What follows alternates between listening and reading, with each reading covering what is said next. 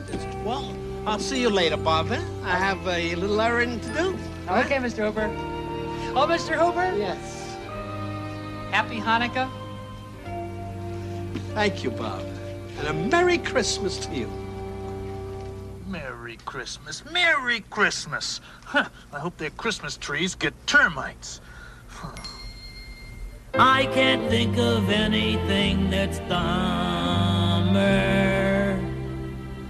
To a grouch, Christmas is a bummer.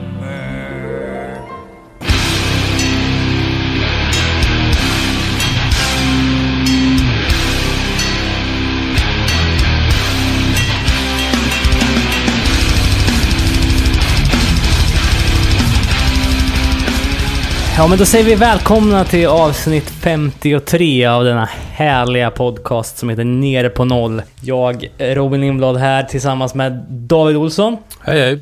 och Danne Nätterdal. Hej. Är allt bra med er idag? Ja, för fan. För fan. Inte med dig. Nähä? För du har ju withdrawal från, från att Musikhjälpen har slutat.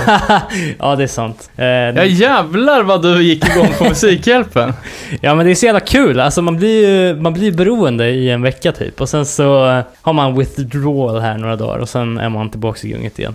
För att känna på lite avtändning alltså. Ja men det var kul att det var, det märktes ju att stan levde upp liksom, vi som, vi som bor Hängde i vid buren. Ja exakt, och eh, i Dannes fall faktiskt var i buren. Ja, just det. Ja, fan vad, vad, vad en ytterst eh, liten insats. Men jag gillar, jag fick, vet inte hur många sms jag fick från dig Robin under veckan. va? Eh, du, du, du är inte vid buren? Ska vi dra ner och kolla vad som händer vid buren? Ja, och lik förbannat fick jag stå där själv 99% av tiden med en kaffe i hand och se, se upptagen ut. Men det var jävligt, det var kul ändå. Ja, fett att det drog in 49 miljoner. Ja, verkligen. Eh, jag tänkte pitcha en liten idé faktiskt. Jaha. En idé som kommer generera minst dubbelt så mycket pengar. Lyssna på det här. Tystnadshjälpen. Eh, Sveriges Radio och Sveriges Television har en budget på 18,3 miljoner om dagen för att producera den smörjan som, som de ändå spottar ur sig. Och en hel del bra. Vissa grejer är fan ganska bra. Alltså. Ja, men låt oss säga att de, de sparar alla de bra grejerna och gör några av de andra 51 veckorna på året. Då tänker ni så här, ja men alltså Radiohuset, det står ju där och kostar pengar vare sig man är där eller inte då. Det hyr man ut till events, kanske tillfälliga kontor, en pop-up butik. Eh, och på det skulle då, ja, det blir obligatoriskt eh, för alla anställda att ta semester den veckan. Vecka 50. Och då har vi helt plötsligt skramlat ihop 130 miljoner på att inte göra någonting. Plus att man slipper höra de här jävla ruttna låtarna som folk önskar. Kan de inte bara loopa musik annars? Men inte prata? Ja, men då blir det kanske någon stimkostnad där, vet du. Alla pengar måste in till TV-allgörande. När sa du att det här skulle ske? Samma, samtidigt som Musikhjälpen. Ja, okej, okej. Eller ska vi ha en annan vecka? Kan jag köra båda? Jag tycker det är För att det är ingen idé att ha Musikhjälpen om Tystnadshjälpen är så mycket bättre. Jag tycker det är intressant ändå. Hade du hängt vid Tystnadshjälpen Robin? Nej, jag vill mer fokusera på det intressanta i att eh, Danne föreslår att ytterligare en svensk institution ska privatiseras. Nej, absolut inte. Det ska inte privatiseras. Det ska bara, lokalerna ska bara hyras ut. Det kan vara andra, det kan, det kan vara bostäder till nyanlända till exempel. Visst? Ja. Det är, inte Why så, not? det är ändå 130 miljoner till välgörande som bara rasar in där på ett, på ett bräde. Får inte göra någonting. Ja. Har vi någon eh, feedback kanske? Det är där vi brukar börja. Uh, jo, det var någon idag som hörde av sig och tyckte att vi skulle lägga upp på Acast. Just det, personen som skrev... Först ska vi ta reda på vad Acast är. Sen kan vi göra det. Precis. Det är en iTunes-kopia även. ja, typ. Men eh, jag får väl, eh, jag får väl eh, lova här, dyrt och heligt i on air, att eh, jag får fixa det till helgen helt enkelt bara. Eh, så håll utkik. Jag vet inte hur lång eh, approval-processen är där, men eh, det ska vi väl kunna lösa. Ja. Uh, ja, det kan ju ligga något i det. Jag skrev att du hade dåliga erfarenheter av iTunes. Och för mig funkar det svindåligt att lyssna på poddar från datorn. Så det kanske, kanske ska... För, för mig funkar det skitdåligt från iPad. Det går fan aldrig spola de här jävla poddarna. Eh, nej, det kan ju, vara, kan ju vara en idé. Verkligen. Fick även önskemål om att vi skulle göra merch. Vad- tror ni om det? Vem skulle köpa det?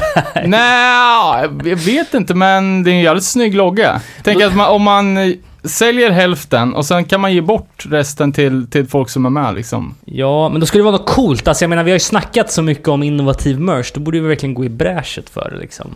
Ja, en, en t-shirt eller en tygpåse, det är händer egentligen. En Nej. kondensatormick.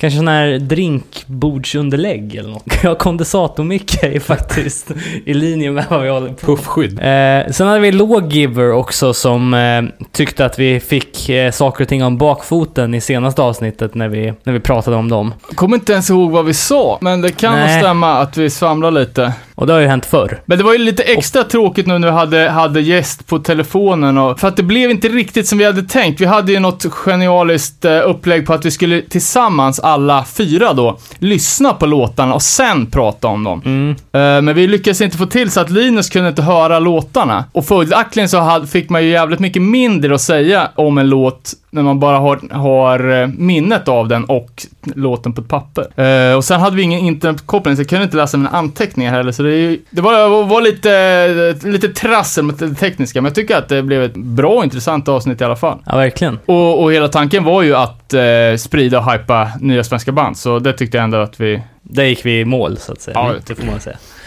Var det något mer på feedbackfronten? Ja, vi har fått den absolut finaste feedbacken man kan få, nämligen skivor. Det här var ju ganska länge sedan. Men vi fick ju en bunt plattor från PST eh, som vi delade ut lite i samband med jubileumsavsnittet. Vi skulle även recensera lite. Så jag tänkte eh, jag skulle dra bara en, en, en första muntlig recension. Ja, Lägger du bakgrundsmusik på det här, Robin?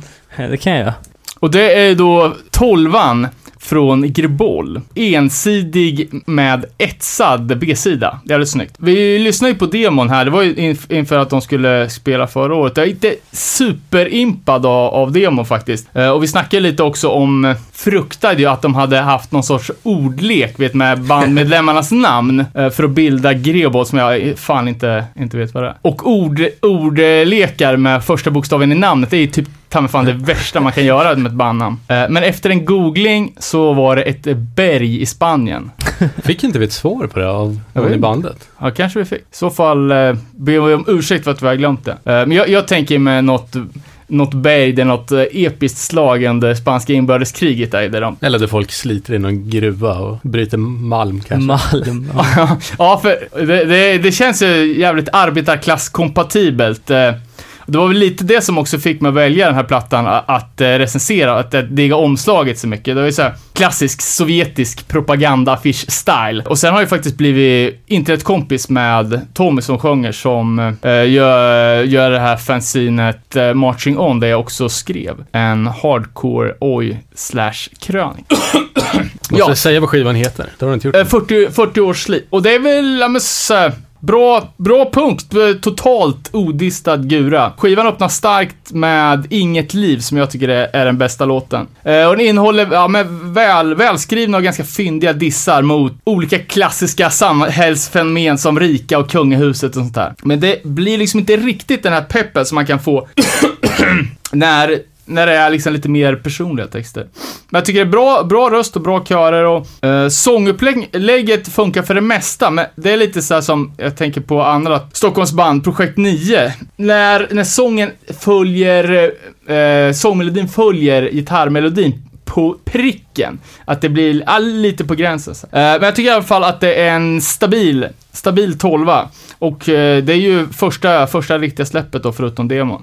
Eh, så vi hoppas väl mer från eh, Stockholmsbandet Gribol. Och PST. För Och det var jä- jävla kvalitet i produkterna känns, kändes det som. Ja, Du vet, när vi släppte något har vi ju bara skrivit ut och vikt det själv. Det där var ju fan superseriöst allting. ja men all, all, hela liksom eh, själva produkten på alla de släppen var ju jävligt påkostade måste jag säga. Ja, ska vi gå på Hänt i veckan eller? Vi kan ju börja med de tråkiga nyheterna först. Att eh, Mickey Fitz från The Business har gått ur tiden. Eh, han eh, har haft en, vad det verkar, ganska lång kamp mot någon slags cancer.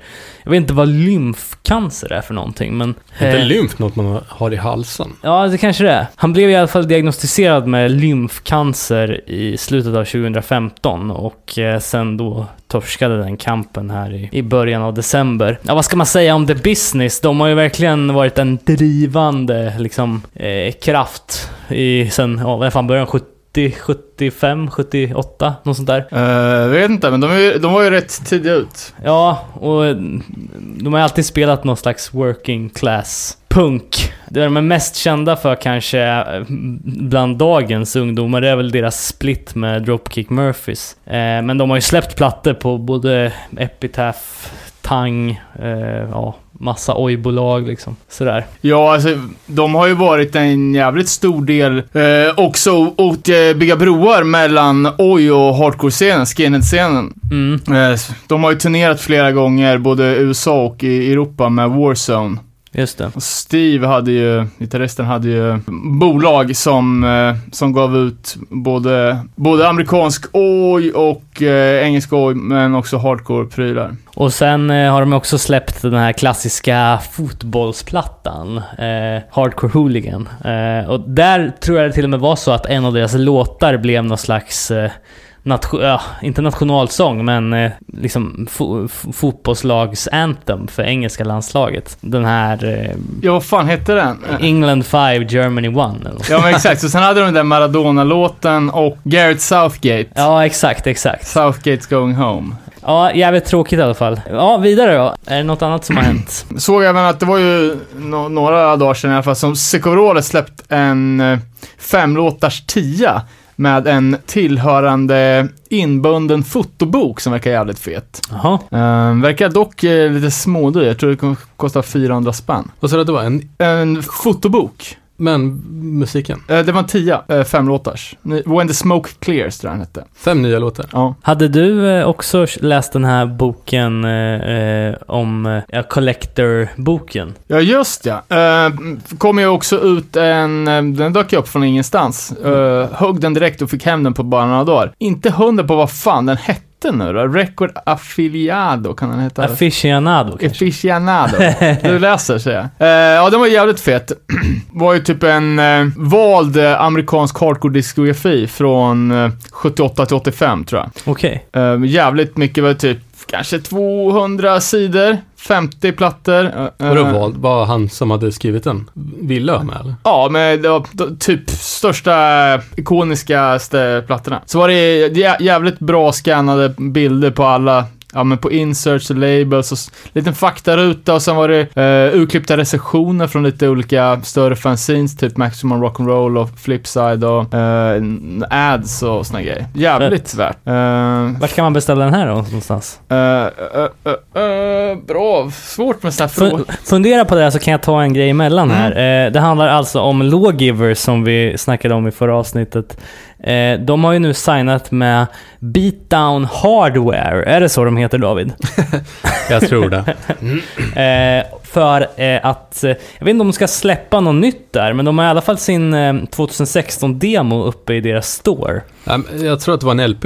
Ja okej, det är en LP på gång kanske. Vi spekulerar igen, Ja, ska vi nu, inte är göra. vi får, Men, de eh, sa det, ring upp oss. Vi kanske Ja, ska exakt. ta och Vi får ta och eh, göra det. Göra det. Eh, Det var ett omslag i alla fall som var jävligt snyggt. men hur som helst så finns deras eh, demo 2016 att köpa i deras webbstore i alla fall. Vidare då, eh, är det något mer som har hänt i veckan? Lite gigs annonserat i Sverige. Mm. Acting Out Bookings sätter upp Renounced, eh, engelskt band.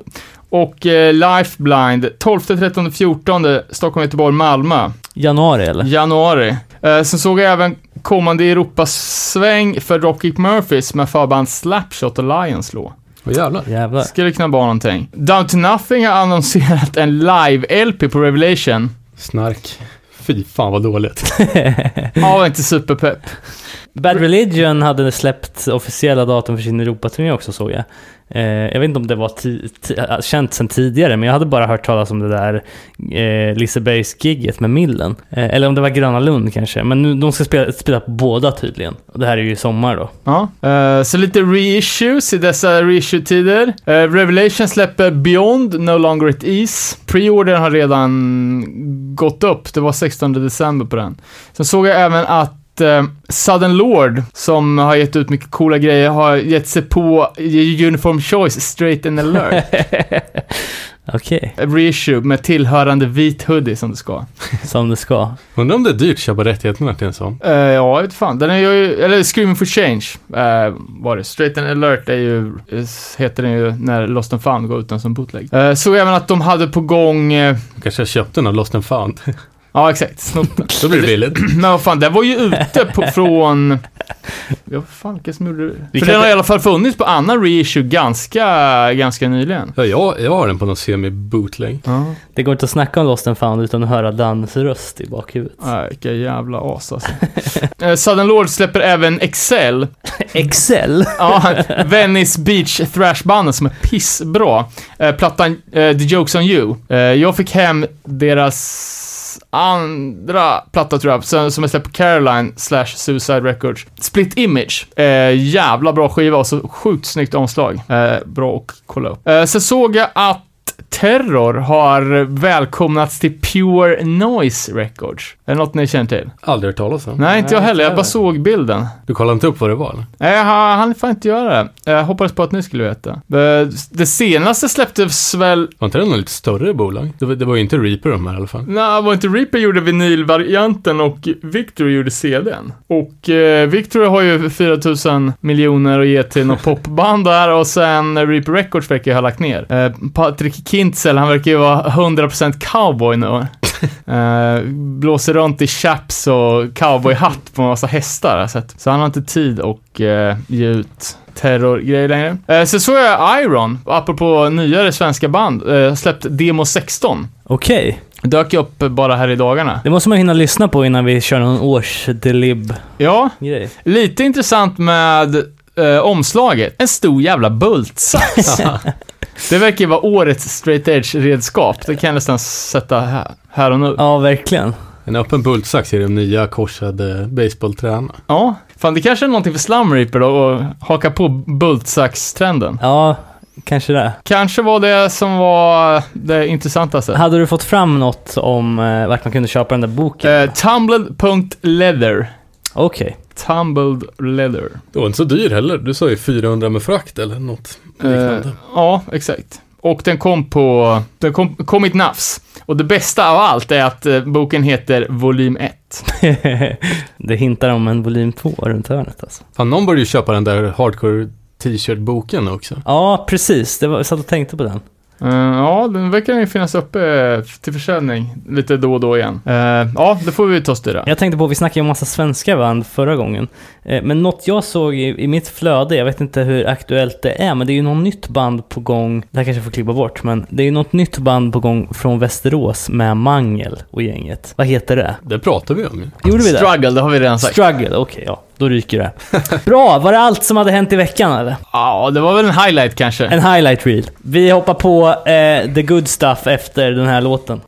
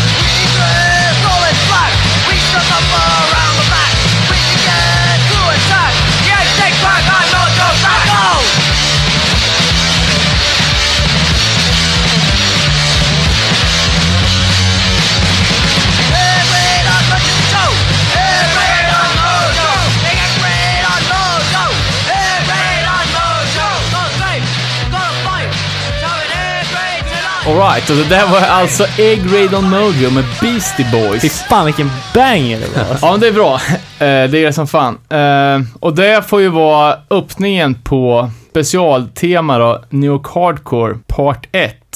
vi har sagt att vi ska jobba mellan åren 78 till 85 och ja, vi kommer väl mest röra oss i 81, 82, 83 kanske. Och med oss har vi en expert på ämnet. Han Ah, sitter tack. till vänster om tack, tack, tack, tack, tack. Ja, men det, det är jag, jag som önskar, önskar ämnet. Det är lite skamligt att vi kan ha gjort 52 avsnitt utan att ha New Hardcore som special. För det är ju det är min favoritgenre, måste jag säga. Men får, får jag... Får, Fast alltid, ofta när man lyssnar på New, New York Hardcore så lyssnar man ju på det sen, mycket senare. Ja, ja, jo. Eller mycket Man senare. måste ju börja, I alla fall några år senare. man måste ju lägga grunden innan vi kan, kan kötta loss i demise, liksom. men, men eh, om jag bara får flika in med en fråga direkt då. Vad, vad är det, hur skulle du liksom definiera eh, New York Hardcore liksom? Vad är det som för en, oh, inte för att jag är oinvigd, men för en oinvigd som kanske ser på den amerikanska hardcore-scenen som ett, vad, vad skulle du säga är det som definierar den New York-scenen liksom? Hmm, oj vad svårt.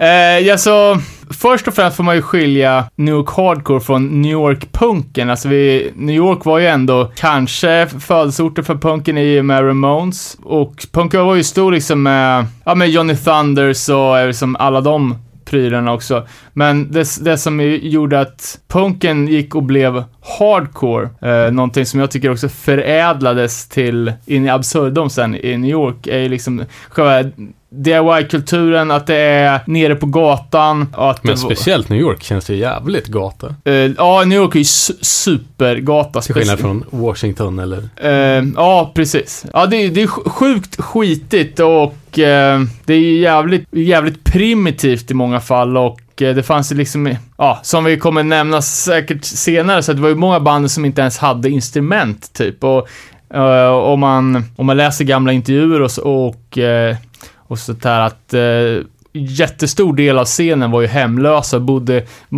det här är ett gäng som bodde i, i gamla, eh, vad fan heter det, Watts, alltså såna här, eh, där man brygger öl i något gammalt utbränt bryggeri liksom. Då hade de sån lägenhet och, ja, det var sjukt mycket squatting, sjukt mycket droger och jävligt mycket våld. Eh, så man kan väl säga att det som skiljer eh, New York hardcore från, från många andra städer var ju att det var jävligt mycket, jävligt mycket råare, rent livsstilsmässigt. Sen är det väl kanske inga så super gränsöverskridande skillnader mellan till exempel de tidiga Bostonbanden och, och de tidiga New York-banden, inte super, men eh, när vi kommer in sen på generation 2 New York så, så odlas det ett, ett eget sound och det börjar till exempel Agnostic Front och Chromax med när de börjar blanda in eh, metallinfluenser liksom på Ja, 80, 84, 85 någon, någon gång där. Ja, men det, det, det första bandet som har, som någonstans har blivit inskrivet i,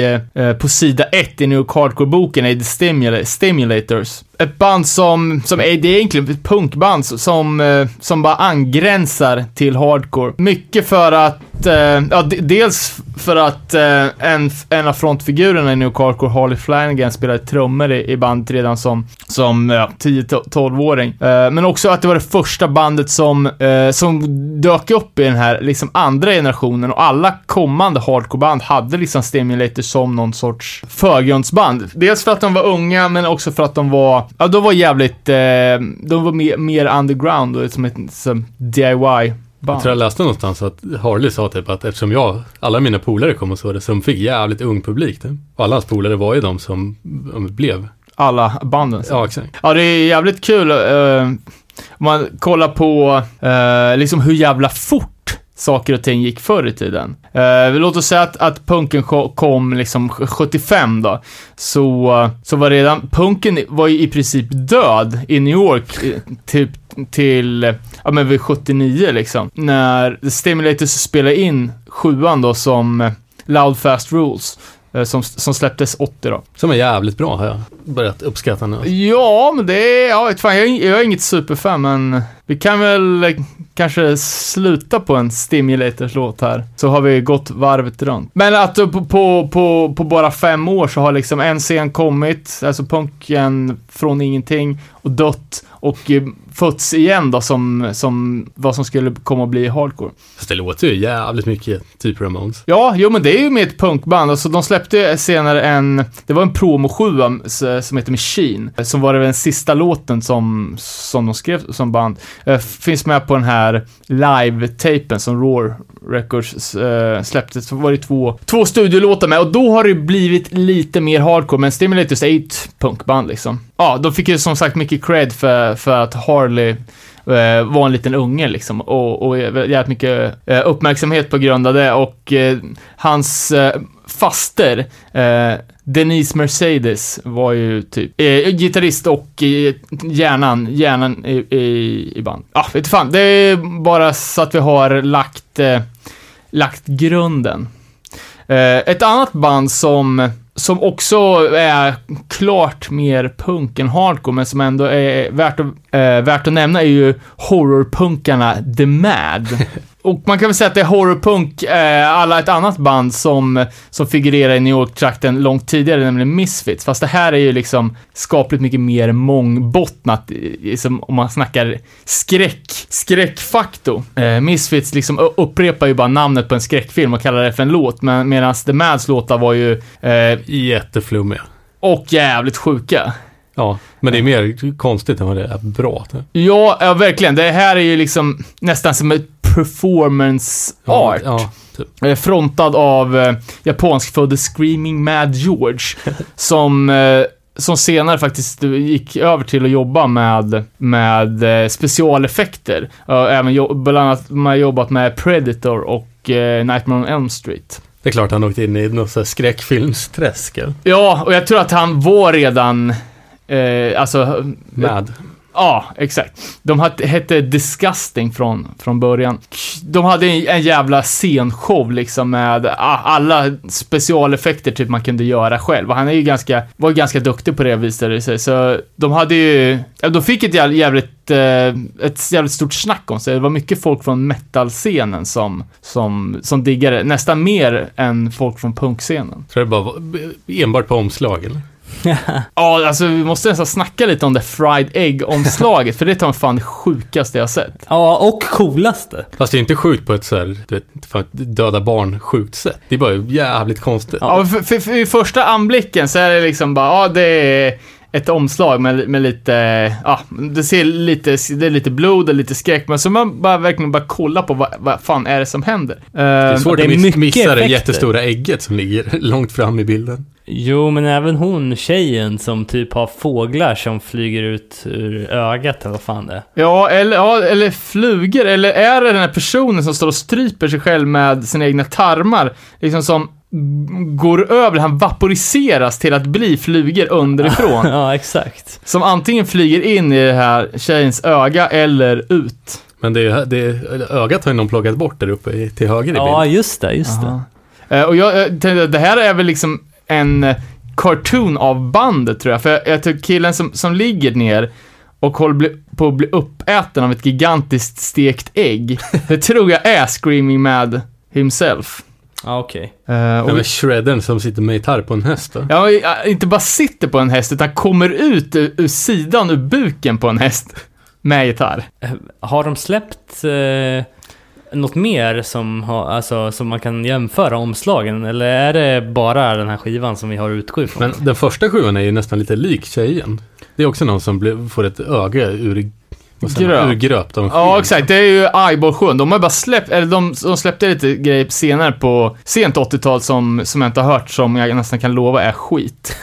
Eh, Men de släppte bara två sjuor, ganska kort följd, 81, 82, tror jag. Mycket och, fokus på ögon? Ja, och det innehåller bara fem låtar totalt. Okej. Eh, Så de har ju kommit jävligt långt på, på shock value. Eh, och jag vet inte, alltså folk diskuterar ju som, eh, så de, deras kändaste låt, I Hate Music till exempel, den har ju folk kallat för världens bästa punklåt. Vem har gjort det? Eh, ja, på den här KBD-forumet.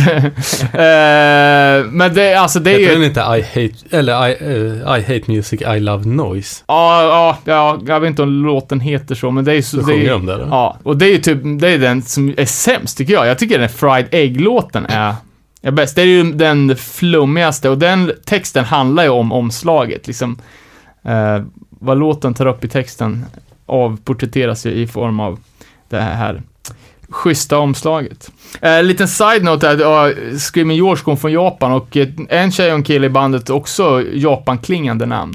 Så känner jag kan ha varit lite unikt på, på den tiden ett uh, asiatiskt punkband i New York.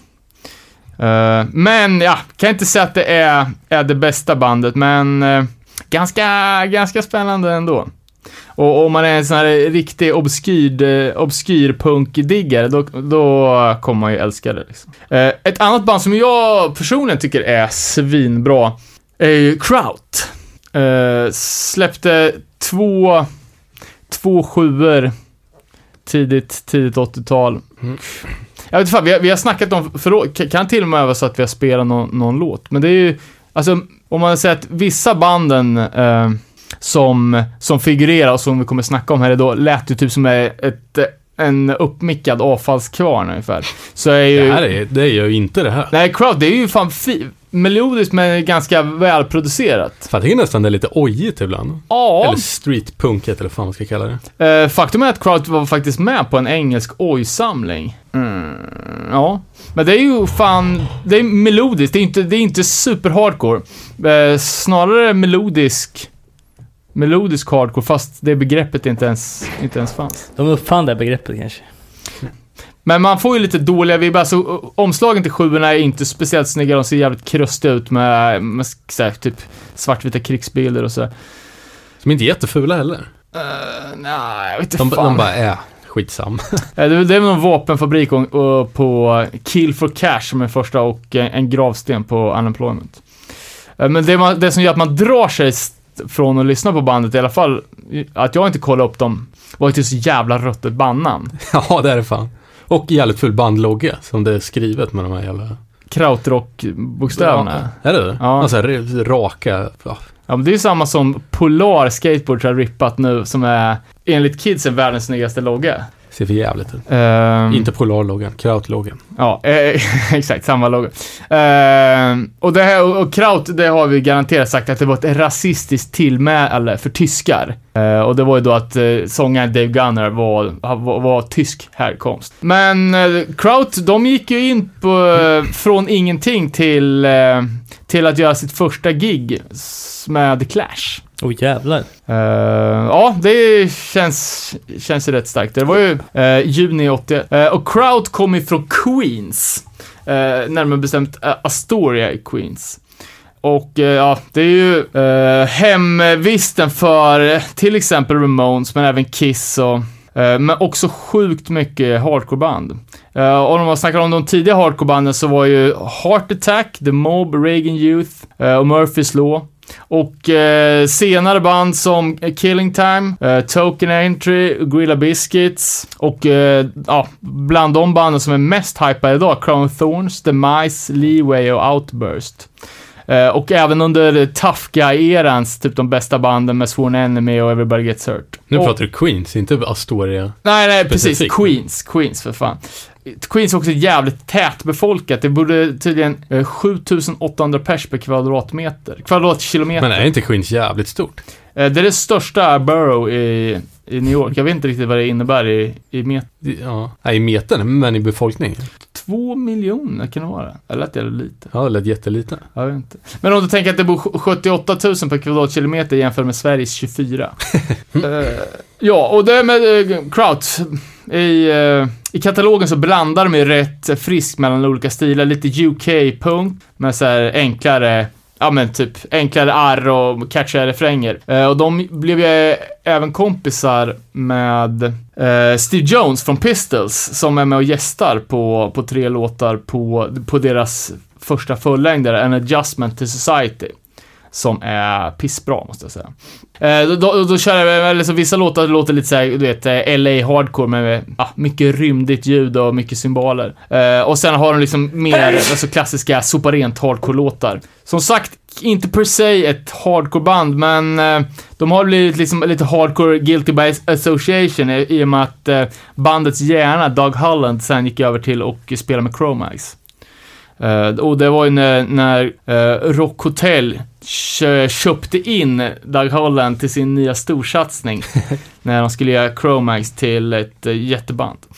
När var, när var det här ungefär? Och vad fan handlade det om? Ja, nu ska vi se.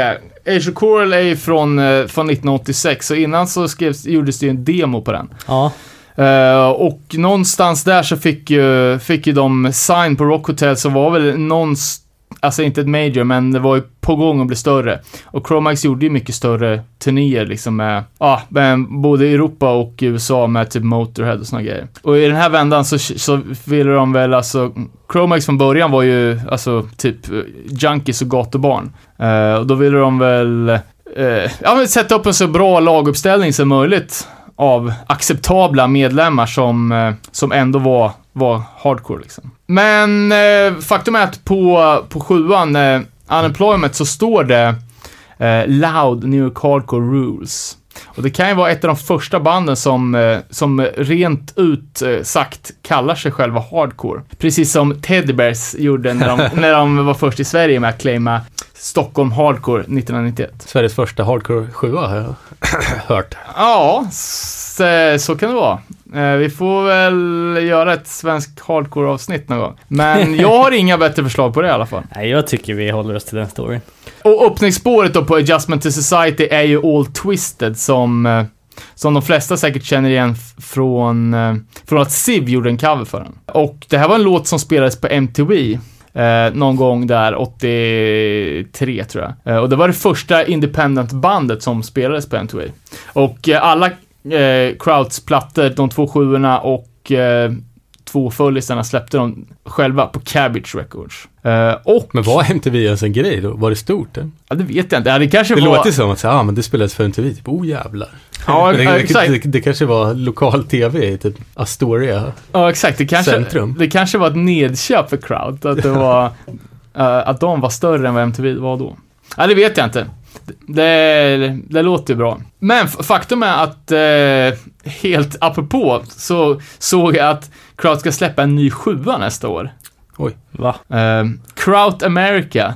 Kan bli det första bandet som, som har eh, Donald Trump på omslaget. är det sant? Mm. Är det någon typ av pro-Trump? Ja, det är väl en anti-Trump, som att alla banden, när Crowd spelade första gången, hade Reagan på omslaget. Det är ju tyvärr så man måste fråga, är du säker på att det är Trump? Anti-Trump? Ja, jag, jag, är, jag är ganska säker. Men de måste ju vara över 60 nu, eller? Oh, bra fråga. Alltså, de var ju jävligt unga, men de är väl eh, runt 50 i alla fall. Ja, för han The Mad-killen, han är ju typ 60 nu. Jag har sett en bild på honom här, vitskäggig, ser ut som någon så här... eh, Ser han ut som han jobbar med specialeffekter? han ser ut som han är någon lärare i- för någon kampsport i en film, typ. Mr Miyagi ser han ut som. Ja, men ett, ett annat band då, lite snabbt som jag tycker är jävligt charmiga, som jag ville spela en låt med, som ni inte gillar. Even Worse. Och det här var ju lite, lite scenfolk. Eh, en kille som heter Timmy Summer som faktiskt hade en, eh, det var, måste vara en en podcast kanske, närradio, som hette Noise Show, där de spelade massa hardcore, tidig hardcore. Eh, och en kille som heter Jack Rabbit, som hade ett ett ganska framstående fanzine, The Big Takeover. Eh, och de släppte, när det, när det begav sig släppte de en sjua, Mouse och Rat. Och så släppte de även lite, lite senare, det, var nog 87, så släppte de en, en sjua till, The Thurston Moore, som senare började lira i Sonic Youth var med. Fan, jag, det här hade jag aldrig hört, men nu har jag gjort det. Tyckte det var sådär alltså. Jag tycker det är så jävla charmigt, speciellt de det- låtarna när de har en annan, en tjej som heter Rebecca Corvée som sjunger. Blir jävligt mycket bättre på något sätt. Men det, det känns ju noll hardcore. Håll, håll, håll, i, håll i åsikterna här nu. Vi spelar låten först så får folk höra vad fan.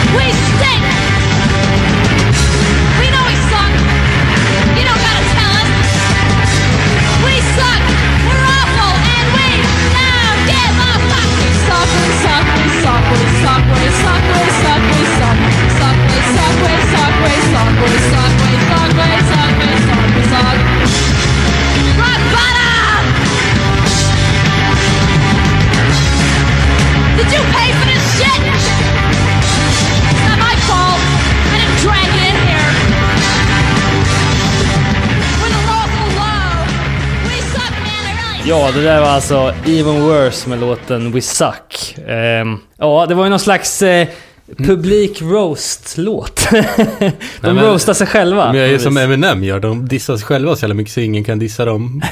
Jaha, nej det vet vi redan.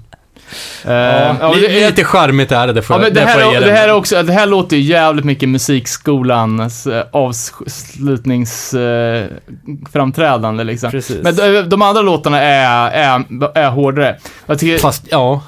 Jag ty, ja, tycker det- ja. att den här låten är, kul också för att de, de säger sen att bara, ja men vet du varför vi suger så mycket? Ja, för att vi inte har råd med replokalshyra i New York. Men nu, ungefär just nu, så händer det någonting. Nämligen att eh, hardcore-branschens coolaste, bästa och största band, Bad Brains, eh, satte sig i flyttkärran och eh, bytte stad från DC till New York. Och det ju- öppnar ju upp jävligt mycket, kom det att göra, för, för New York-banden och hela scenen eh, var, vart en nytändning och det, när det gick liksom från, från att vara ja, men mer, mer punk eh, och, artsy till att, att bli mer av det som, det som kommer att bli hardcore. Och det är ju ingen, eh, ingen nyhet att, eh, att Bad Brains startades som, eh, som jazz fusion band eh, och då lirade de under Mindpower. Det gjorde ju att de, redan när de kom in på punken så var de jävligt bra på att spela. Till skillnad då från kanske Even Worse, som vi hörde inte var svinbra. Eh, men eh, ja, mitt i sin, sin jazztripp där så hittar de engelska punkband och eh, Dead Boys och, och de har till exempel tagit Bad Brains eh, från en, från en Ramones-låt. Och ja, de, eh, jag vet fan, precis som de liksom nästan startade DC-scenen 2000 eh, 2002 år tidigare, så, så kom de liksom att, att tända, tända gnistan i, i New York på allvar. Eh, och det brukar ju vara det, liksom, det första man säger, man ska, man ska, man ska klumpa in Bad Brains till, till New York Hardcore. Bara, "Jaha, men det är ju ett, ett DC-band. Men faktum är att de ha- hade bara gett ut en sjua innan de flyttade till, till New York. Vet man varför de flyttade eller? Ja, det vet de man. vill ha högre replokalshyra. Ah, men faktum är att det var en, en, hel, eh, en hel del rasism inblandat. Och det sjunger de bland annat om i, i låten Band in DC, att de hade jävligt svårt att få gigs. Mm. Eh, På grund mycket av, av att, ja, de spelade, det var ju typ det snabbaste bandet och alltså då blev det de härjigaste, härjigaste gigsen. Men också just för att de var, var svarta, de kunde inte hitta några gigs. Scenen i New York var ju mer, mer tolerant. Eh, och eftersom allting begav sig i de absoluta slumdistrikten i New York, där liksom, ja, fan, det, var, det gick liksom inte att bli bannad från, från ett squat eller från alltså, de klubbarna. Eh, till exempel A7-klubben då, som, som låg i, i korsningen Avenue A och och eh, Sjunde gatan. Eh, de satte ju upp gigsen, de kanske, kanske hade gigs här sex på morgonen. Eh, så det var ju, de, det var ju the lowest of the low, men där var de ändå välkomna att spela. Fy fan, gig sex på morgonen. Ja, det, det funkar ju eftersom eh, New York-scenen var extremt eh, inne på, på droger. Eh, och mycket fula droger. Det var ju mycket li- lim, PCP och... Alltså lim. Lim känns ju som, som ja, jag vet inte, det billigaste. Ja, På ja. något vis. Ja, förlåt. Eh, De har inte hört på länge bara. De har inte hört om folk som sniffar lim på länge. ja, du är inte punk. Nej, tydligen inte. Ja, förlåt. Fortsätt. Eh, ja, men...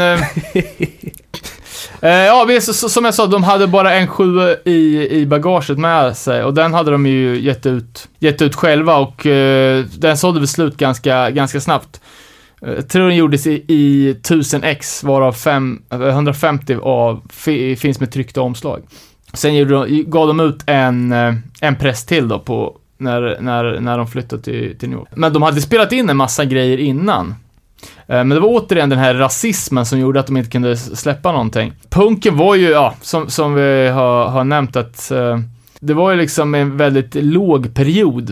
Eh, för, första, det som, eh, det som var deras, jag tror deras första session, det som har, gavs ut senare av Caroline på mitten på 90-talet, Black Dots, den är ju inspelad 79. Eh, och då var det ju, ja, precis mellan den, den klassiska punken och innan, innan hardcore blev stort liksom.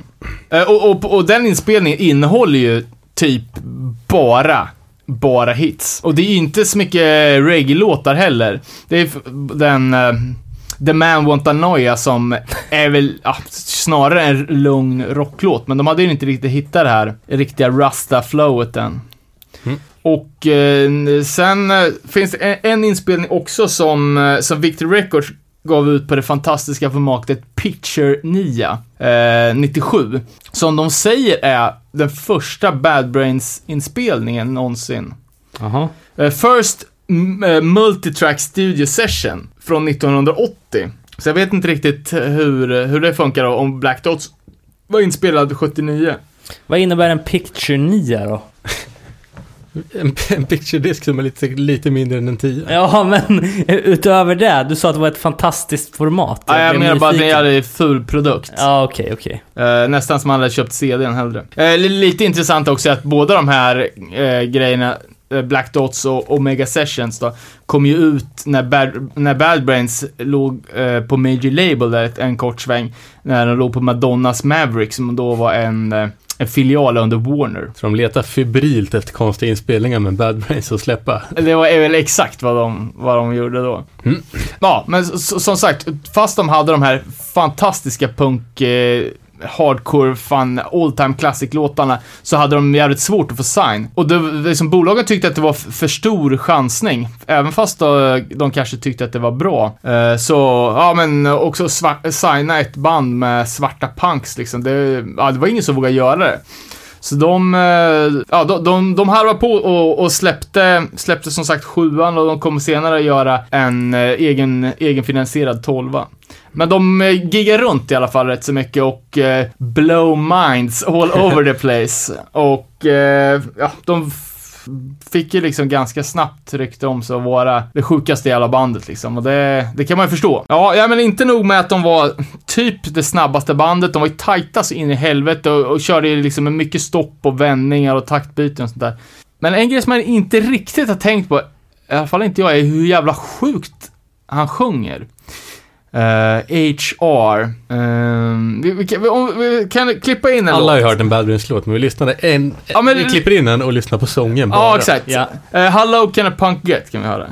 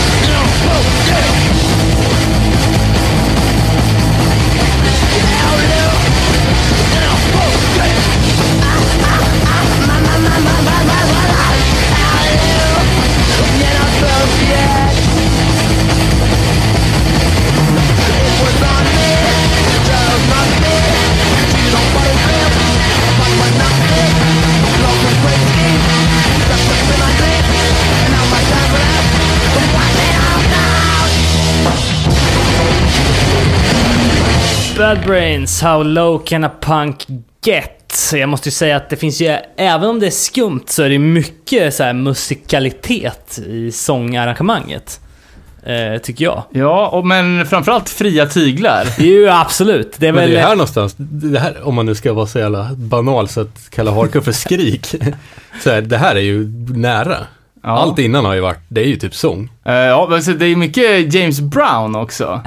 ja, exakt. Och Jag tycker det är kul. Det är nästan att han växlar till Lim Sniffert där i mitten och sen kommer han tillbaks till sitt musikaliska liksom. Ja. Och vi har ju fan inte, så i HR, vi har inte presenterat bandet. Ja, fan. Paul Hudson heter han ju original och jag tog namnet HR som någon sorts eh, artistnamn. eh, När han lirar med Bad Brains, som står för Human Rights. Eh, till skillnad från HF, som spelar i Ringworm, som är Human Furnace. eh, och eh, de två som har varit med hela tiden är ju Dr. No på Gura och eh, Daryl Jennifer på bas. Och sen har ju eh, Pauls brorsa Earl Hudson lirat trummor nästan hela tiden. De har ju pysslat med lite olika sånger. De hade en snubbe som heter Sid i första uppsättningen. Eh, men det är ju de fyra, Dr. No, eh, Jennifer och eh, HR och Earl som är liksom, som är bandet. Crewet. Eh, och ja, som man har sett fram, eh, extremt mycket nu på sista tiden är att, att eh, HR eh, har tappat det totalt. Och det, bor, det kan man liksom nästan förstå lite hur, alltså man måste ju vara galen för att komma på de här sånggrejerna. Alltså det går ju inte bara sitta i sitt stela, kontrollerade skal och komma på hur man fan ska lägga upp det Ja. sådär liksom. Fast de andra har ju inte tappat det. Nej, de har inte tappat det. Fast å andra sidan, hur mycket vet man om dem? Det är väl samma med mediala exponering på dem som det är på han. Nej, kanske inte. Men om man kollar den här, den eh, senaste Bad Brains dokumentären så, alltså de är ganska trötta på, de är ganska trötta på han och eh, det, han har ju varit kickad ur bandet ett par vänder. Som, eh, ja, det som ofta kommer upp när man snackar Bad Brains också är eh, den här eh, homofobskandalen i, i Texas. När de eh, sägs ha, ha rippat Big Boys. Eh, ni vet vad jag menar va? Nej. Ja, det är klassisk eh, hardcore beef.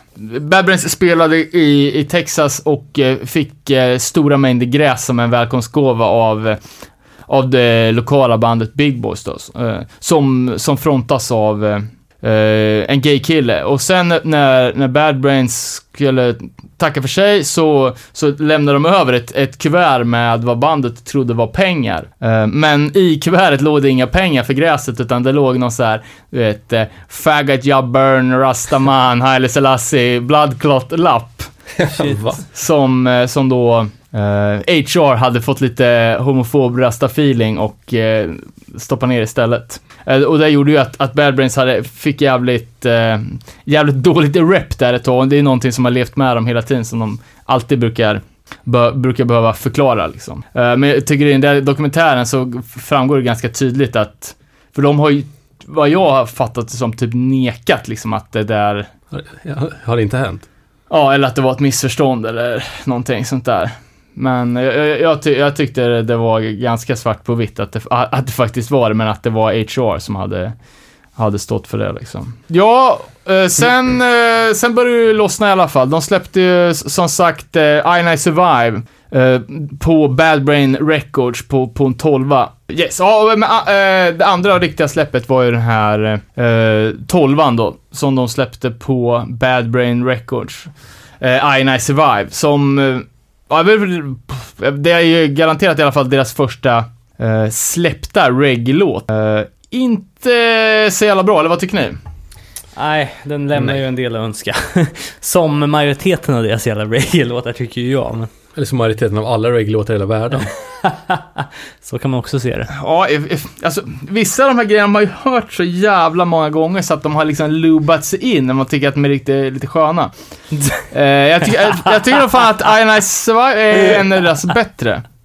Du, du är ändå med på konceptet att om man ersätt, utsätts för en dålig låt tillräckligt länge så blir det bra. Ja, ja, ja men det kan väl stämma. Fast om man nu måste lyssna på reggae skulle jag hellre lyssna på Bad Brains än på Bob Marley. Ja, eller hur? Eh, och det var ju Bob Marley som inspirerade dem att, eh, att bli eh, Rastafarians. Men, vad fan ska jag säga? Ja, eh, andra spåret på den här, på den här är ju Coptic Times i alla fall, som är satans mycket bättre. Men eh, nu när de har så här full-blown reggae eller dub-låtar så det gjorde ju jävligt mycket för deras sätt. Uh, så att de blåser av fem stycken superpunk-bangers så behövde folk liksom rensa öronen lite med en sån här flumlåt. Lite såhär pausmusik det. Ja. Eh, och sen, uh, ja, uh, strax efteråt så, så släppte de ju även en uh, sjua i, i England på Alternative Tentacles, uh, Jelly Biafras bolag, som, som hade flyttat sitt kontor till England, tror jag, efter den här vansinniga framgången som Dead Kennedys hade. Från att ha sålt, eh, inte vet jag, 1000 ex på USA-pressen till vad snackar de om 20 000 i veckan. Så la de ju om hela, hela fokuset på Europa eh, och bara lansera amerikanska hardcoreband i England. Eh, bland annat då Bad Brains med den uh, tolvan som jag tror är self-titled, men i alla fall med Sailing On och Big Takeover på och sådär. Uh, och uh, de släppte ju även första fullängdaren som, är, som bara finns i tape-format på Roar Records. Typ samma låtar som var med på Black Dots inspelning fast jävligt mycket snabbare. Ja, jag vet inte hur... Alltså Bad Brains spelar ju som sagt än idag. Vi... Spelade i Sverige för några år sedan på West Coast Riot. Åh fan. Yes. Var där. Var det bra Var eller? Ja, det var när du var ute vid eh, travbanan i, eh, har jag för mig, i, eh, i Göteborg. De hade, på Göteborg Galopp hade de något år. De körde West Coast på eh, torsdagen och sen eh, Metal Town fredag, lördag. Eh, Var det inte lite mer rallybana? nej, det var vid trav, travbana typ. I Göteborg Galopp heter det. Men ja, det var det lilla jag såg av det var, var bra. Men Bad Brains har ju aldrig varit något band som ligger mig varmt om hjärtat, så... Eh, jag tror att... Eh, jag, det var samma år som Hårda Tider spelade på, på West Coast också. Nej, jag vet fan. Det, det, jag har alltid gillat Brains, men det har aldrig varit ett så här... mm, Ja, men det jag har lyssnat mest på. Nej, nej, vet ja. ja. ja, fan, mm. Nej, Jag tycker det är fantastiskt jävla bra. Jag tycker, eh, alltså de, de första plattorna, de gjorde, ett litet break sen efter Rock for Light, men allting fram till, till 83 är ju magiskt. Det finns ju inte en dålig ton av de låtarna som är punk i alla fall. Jävligt sugen på att se en dokumentär, jag har inte gjort det än. Alltså. Nej, Jag såg en trailer, det var ju bara en tävling som kunde säga att de var, hade blivit mest inspirerade av Bad Brains. Ja. Ja. Kändisar typ. sånt där är så jävla fattigt alltså. Eh, men vad som dök upp av den där eh, dokumentären som jag inte visste om, att de hade en manager. Jag tror det var någon sån här restaurangägare som bara tyckte att bara, fan de här är så jävla bra. Så han hade ju köpt en, en van och utrustning till dem och bara eh, ja, hjälpte dem som fan. Och det snackades ju om att, att han också snackade in låten Stay Close To Me, om det kommer, det är ju B-sidan på Pay to Come 7 som är jävligt eh, lugn liksom. Det sticker verkligen ut mot alla deras andra låtar. Om att han hade liksom ja, pushat in den där för att de kanske skulle kunna bli ett eh, lugnare rockband istället och typ bli störst i världen. Och ja, när de, de, de flyttade, flyttade till New York så var de ju, eh, de var jävligt bra polare med, med både The Mad och Stimulators. Eh, och de bodde nere hos Jerry Williams. eh, Inte den Jerry. nej, inte vad, vad, vad, vad var det jag sa? Ett annat avsnitt. Kommunisten från Göteborg. Ja, exakt. Eh, sångaren från Stockholm. Nej, utan det är studioteknikern eh, och eh, scenlegenden Jerry Williams som hade 178, 171A Studios eh, som eh, låg på eh, A Avenue eh, 171. och det, jag vet inte fan, jag läste det någonstans, men det, de hade ju så här, som sagt, New York var ju sjukt eh, rough då. Eh, Så hur de graderade gatorna, då var det ju eh, A för adventurous, B för bold, C för crazy och även D, det var dead. Eh, ja, så släppte de ju, det, det sista vi ska avhandla idag är ju Rock for Light släpptes 83. Eh, på PVC Records. Kommer inte riktigt ihåg, men det var ju i alla fall ett, eh, inte ett major, men i alla fall ett riktigt bolag. Och den här släpptes ju även när den kom ut i Sverige också. På Amigo, som ett tag var Bonnier Amigo Records. Jaha, okej. Så det finns en svensk Bad Brains press från, från 83. Som eh, finns i hur många ex då? Oh, det vet jag inte. Det är ganska stora upplagor, ska Ja. jag tänka mig. Det är pre-digitals, vet du. Mm. Ja, även att eh, de eh, dealade Ganja för att, för att försörja sig och, eh, och sen, ja, HR hade ju några svängar ut i finkan, bland annat när han spelade in den här Sacred Love-låten från telefonlinjen och sådär. Men ett annat jävligt stort avtryck är ju PMA-attityden. Som, som de liksom tog från en sån här självhjälpsbok, typ. Uh, och som de hade som någon sorts motpunkt mot nihilismen som, som frodades i punkscenen, liksom Sid Vicious-stuket. Och framförallt liksom i New York när, när alla var super och uh, multi-junkies liksom. Och uh, svinmycket våld liksom. Uh, men sen även den här spiritualismen, för det har ju varit alltså ett sjukt tabu inom punken liksom att vara, att vara religiös.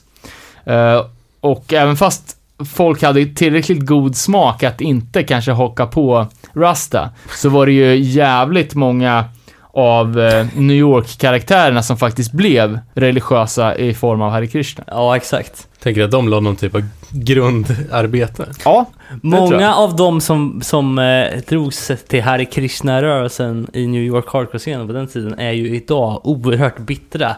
Jag tittar på din Facebook-profil John Joseph. Eh, ja, exakt. Och han var ju ett super, superfan av Bad Brains och eh, hängde jävligt med dem tidigt. Tidigt, tidigt. Och eh, eh, John Joseph lirar ju nu med ett band som heter Bloodclot. Eh, som jag inte riktigt fattar det, men det sägs att, eh, att de ska släppa sin första platta nu, eller om den precis är ute. Hade inte vi, snackade inte vi någon gång om att de hade signat typ med så här Century Media? Jo, men var det inte det? Ja, Men alltså, jag säger också att John Josephs band Bloodclot har redan släppt en skiva, typ på Century Media för, för fem år sedan. okej. Men ändå så hypas den här nya Bloodclot-plattan. De kanske helt har gjort om sitt sound. Förmodligen. Eh, Den, den förra hette i alla fall Burn Babylon Burn. Eh, och Bloodclot var ju ett, eh, ett nick som John Joseph fick av Bad Brains-killarna när han jobbade som ro- roadie åt dem. Och Bloodclot är en sån här rastaslang för mens. Och det är ju typ någonting som man kan säga om någonting går åt helvete. Så, så varje gång någon ropade Bloodclot!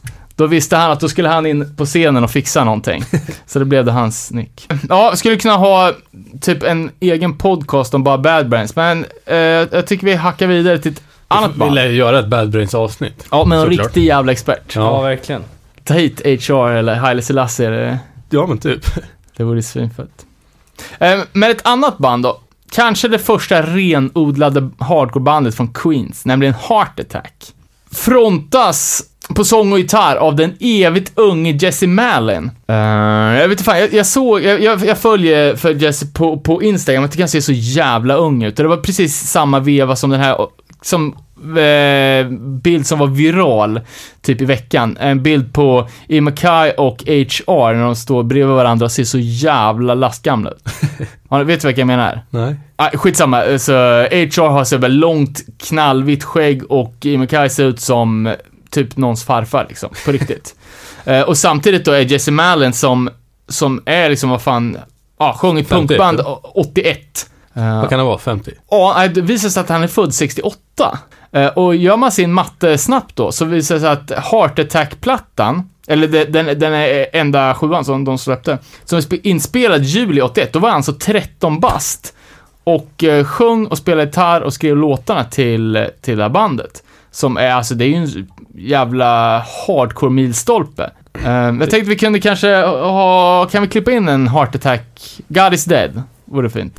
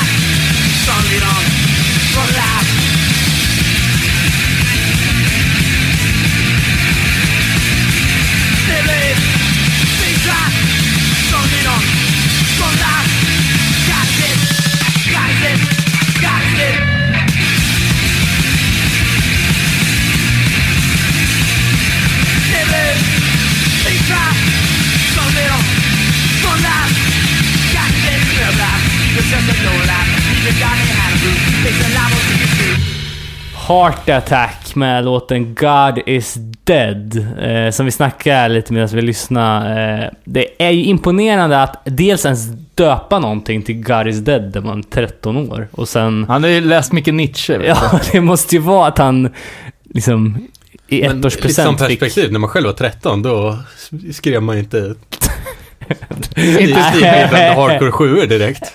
Ja, det var knappt Nej. man skrev för fan. Exakt. Än mindre stod och fronta ett eh, hardcoreband sex på morgonen i typ världens, eller i alla fall västvärldens mest sketchy kvarter. Precis, med en jävla burk lim på scen. Eh, ja, men det Men eh, hur har livet behandlat honom det- han verkar, han ser ju jävligt bra ut. Är 50 år och har Instagram, det är väl bra? Ja, nej, Han har uppenbarligen snappat upp tekniken. ja, nej men det är väl på, på lite på samma, eh, samma sätt som, vad fan heter han nu då? Eh, Nicky Six, som också såg så jävla ung ut. Som bara, nej men du vet, det är allt heroin, min kropp har blivit konserverad. Eh, på riktigt. Eh, faktum, faktum är att, eh, att han eh, gick vidare och startade ett band som heter Degeneration, typ någon sorts eh, glam-punk. Eh, I stil med, ja men i alla fall Nuke Dolls liksom. Som också är från Queens förresten. Eh, Som jag, nu det här är helt utanför min, min league, men som känns som att det skulle kanske vara någon grunden till den här så kallade actionrocken. Det kan det nog vara. Ja, jag vet inte fan. Jo, men jo, det är inte så dåligt. Ah, ja, ja, ja, jag ska inte uttala mig. Uh, God is Dead 7 för övrigt är ju en, en av de mest uh, pris, priciga nu, nu singlarna från den här tiden. Eh, tryckt i 300x så den snittar ju på 12-13 lax. Eh, så den, eh, den får man köpa på, på reissue. Eh, sen ett, ett annat band, också från Queens, eh, som, eh, som krediteras som ett av de absolut första banden som spelar hardcore från New York. Nämligen The Mob. Släppte två hyggligt klassiska sjuor, Upset the System och Step Forward. Eh, Step Forward kan ju ha inspirerat eh, det svenska hardcorebandet Step Forward, vad vet jag. Eh, de hade även eh, ett DIY-bolag som kan ha varit ett av de första med att ge ut andra bands prylar. Alla andra släpp har väl hittills varit DIY-baserat. Mobstyle Mob Style Records som, som gav ut eh, en sjua, en annan klassisk Nukark sjua med ett tidigt band, nämligen Urban Waste. Ehm, Jävla bra det är alltså. Det är fint. Det är också fint. Eller du kanske menar The Mob? Nej, men Urban Waste. Ehm, tycker också Mob eh, är, är riktigt bra på, på de första sjuorna. Det är rått som fan. Uh, släppte ju senare eh, en, uh, en fullängdare, We Come To Crush, på, på ett bolag som heter Big City Records, som, som eh, var väl ett av de första, kanske det enda, eh, liksom Nuke Hardcore-bolagen. Eh, renodlat Nuke Hardcore. Eh, fanns ju även ett, ett annat bolag som, eh, som heter Rat Cage, som vi kommer snacka lite senare om. Men eh, de pysslar med lite andra musikstilar också. Men, men Big City släppte 13 sjukt solida releaser, bland annat tre samlingssjuor. Ascoola, obskyra band som inte, ja, som var för små typ för att släppa egna sjuor. Så om man vill hitta riktiga eh, obskyra pärlor i tiden och kart så ska man kolla upp dem. Eller Eh, bara vara jävligt trendig och lyssna på folk, något som ingen annan har hört. Ja, men precis. Eh, Big City Records släppte även en, eh, en samlings-LP. Där till exempel Sheer Terror och Crackdown var med två år innan deras första demokassetter. Uh, ett annat band, ska jag nämna lite snabbt, Misguided. Uh, gissa vart de kommer ifrån? Queens, New De, York. de kommer från Queens. Rått, knastrigt, eh, ja, men, Sjukt brölig sång, det, var, det är gött. ja men så jävla stolpig sång på något sätt. Jag tyckte det var rätt gött. Ja, jag- tycker, tycker också bra. Och det hade ju varit eh, superklassiker om det inte hade varit så jävla generalfula omslag.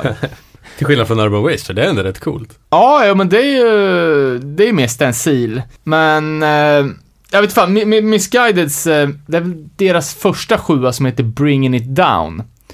Eh, och det har ju Mike Judge sagt att det var ju härifrån han tog, eh, tog namnet som, eh, ah, som, som namngav eh, Judge-LPn sen. Fem, sex år senare. Fan, är inte sången lite Judge-lik också? Ja, det kanske det är. Men, men jag vet inte om det är någon typ av effekt på sången. Typ eko eller? Att lite prat. Typ som Judge har. Fan, det har jag aldrig, aldrig tänkt på, men det är ju sjukt, alltså det är sjukt underskattat, underskattat band. Ett av de faktiskt bättre från, från den här eran.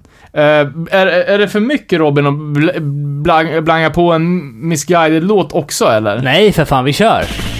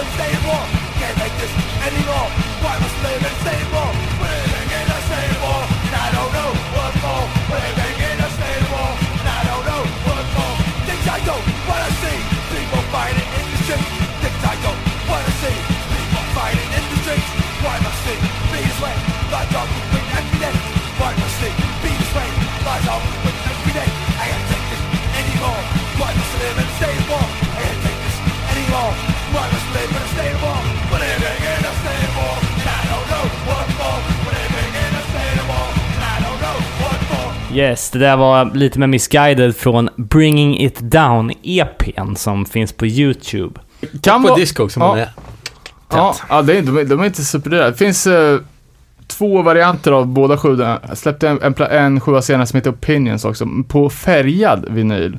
Kan vara en av de första New York Hardcore-plattan som kom ut på färgat vax. Eh, ett annat band då, som, eh, som eh, många älskar håller kärt, nämligen Urban Waste. Det pratade vi lite om nyss ju. Nu pratar vi om det igen. Nu pratar vi om det igen. Kids, unga kids, eh, inspirerade av, eh, av Harley. Att han kunde trumma när han var typ 11-12 bast. Uh, Urban Waste är sjukt tidiga, de började 81. Läste en lite rolig anekdot här i den här New Hardcore-boken som kom för ett tag sedan. Att, eh, när de började så, eh, de hade liksom inte, inte riktig utrustning. Så att de, de körde med, med typ eh, eh, virvel och, eh, och kagge och sop, so, eh, soptunnellock som symboler. Plugga in ster, eh, gitarren i en vanlig hifi-anläggning och, och körde utan mick, bara med skrik, skrika högt.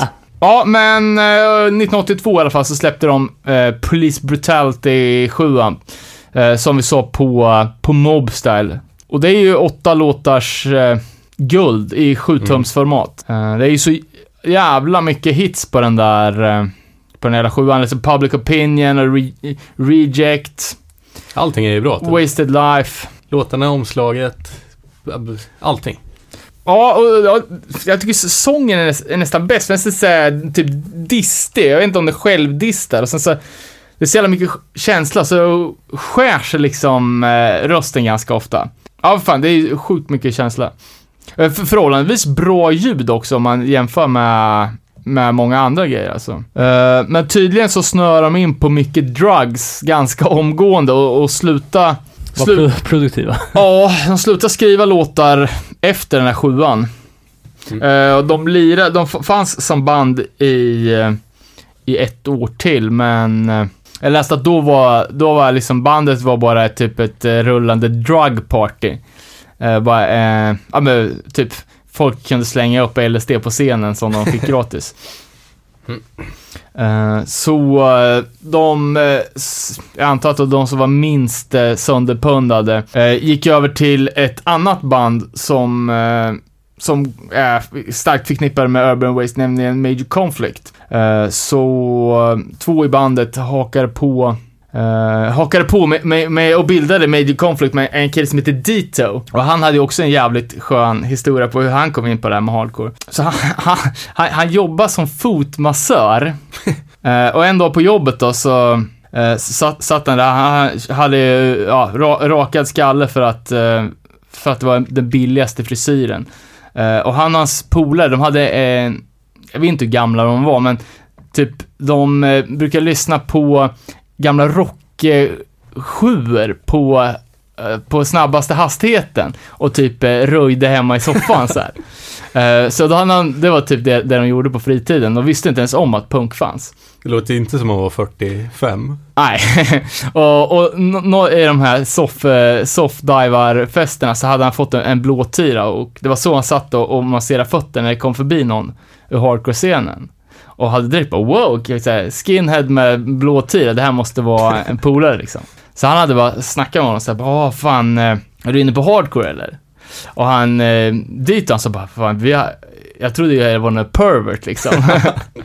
Eh, men han hade i alla fall blivit eh, tipsad om att, fan, det är, det är en Ja, för jag tror, han, jag tror han, han hade sagt till en kille bara, nej, nej, men alltså vi är bara några Guidos som sitter hemma i vår källare och lyssnar på Led Zeppelin på, på 45 varv och slåss. Guidos. Eh, så bara, ja men det är typ exakt vad du kommer få se om du går till, till, det, här, till det här giget. Eh, så drog han med sig typ alla sina polare på det här giget och eh, typ bara wow, nu är det så här, himlen. Major Conflict är ju låtit typ helt olikt alla andra band. Jävligt skum. Flummig hardcore. Jag har inte lyssnat så mycket på det. Eh, men det finns ju att uh, googla upp. Svårt att få tag på den där jävla sjuan. Eh, det ryktas ju om att de eh, på fyllan och bängan slängde ut alla, alla exen av sin sjua genom fönstret typ första dagen de hade den och att eh, 800 minst paja. Låter lite som den här skrönan också när Youth of Today hade eh, inbrott i sin buss och alla de färgade eh, Breakdown the Walls-plattorna var stulna. Men ändå dyker upp på Ebay hela tiden. ja, fan. Urban Waste, de har ju jävligt under radarn funnits ganska länge nu på sista tiden. Mm, jag såg det. Och till och med gjort, gjort en split med ett band som heter Red Tape. Eh, inte det svenska. Eh, 2014. Med, med två nya låtar. Vågar du lyssna eller? Jag tror jag gjorde det, men jag kommer inte ihåg. Men om man tänker, alltså vad fan, de här borde ju spela på This is Hardcore, minst. De skulle ju Ja, ja, turnera. Råskumt att man knappt har hört talas om det. Och att de typ såhär, ja men bara DIY-grejer. De är su- verkar superkrostiga också med dreads och hela, hela paketet. Men jag skulle ju lätt se dem om de kunde boka dem alltså. Eh, till ett eh, band som jag tror alla känner till, nämligen Beastie Boys som vi lyssnade på inle- inledningsvis. De bildades redan 1980, sjukt inspirerade av Bad Brains. Jag fattar inte riktigt hur, men eh, det här var ju rikemansbarn som hängde nere i Lower East Side. Eh, de ville Fast spela... bara på A och B-gatan. Ja, exakt. De ville spela som Bad Brains, men de kunde ju inte eh, ja, rent musikaliskt liksom. Så då blev det att eh, de plojade. Aldrig en bra lösning. Nej, lite som, eh, som alla, alla svenska punkbanden vi snackade om här i Örebro-avsnittet och sådär.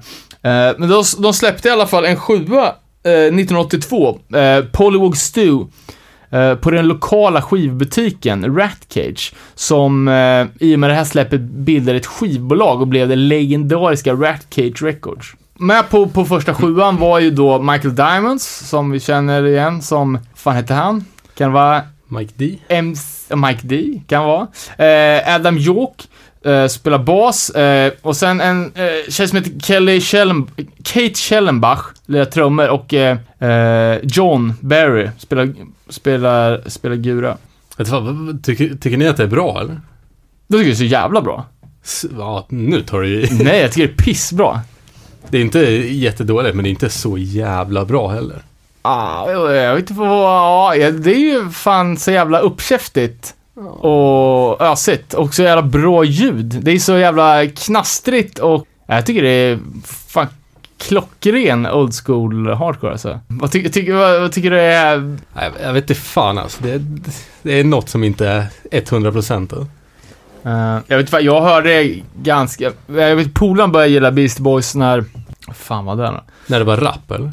Ja, men så de har ju hållit på med det. De har ju crossoverat hela tiden. Men han köpte i alla fall den eh, CDn som de gjorde som de kallar för Some Old Bullshit. Där hardcore-låtarna var med. Och den hade han jävligt tidigt. Så jag vet inte, jag kanske inte hade hört så mycket hardcore när jag kom in på de här grejerna.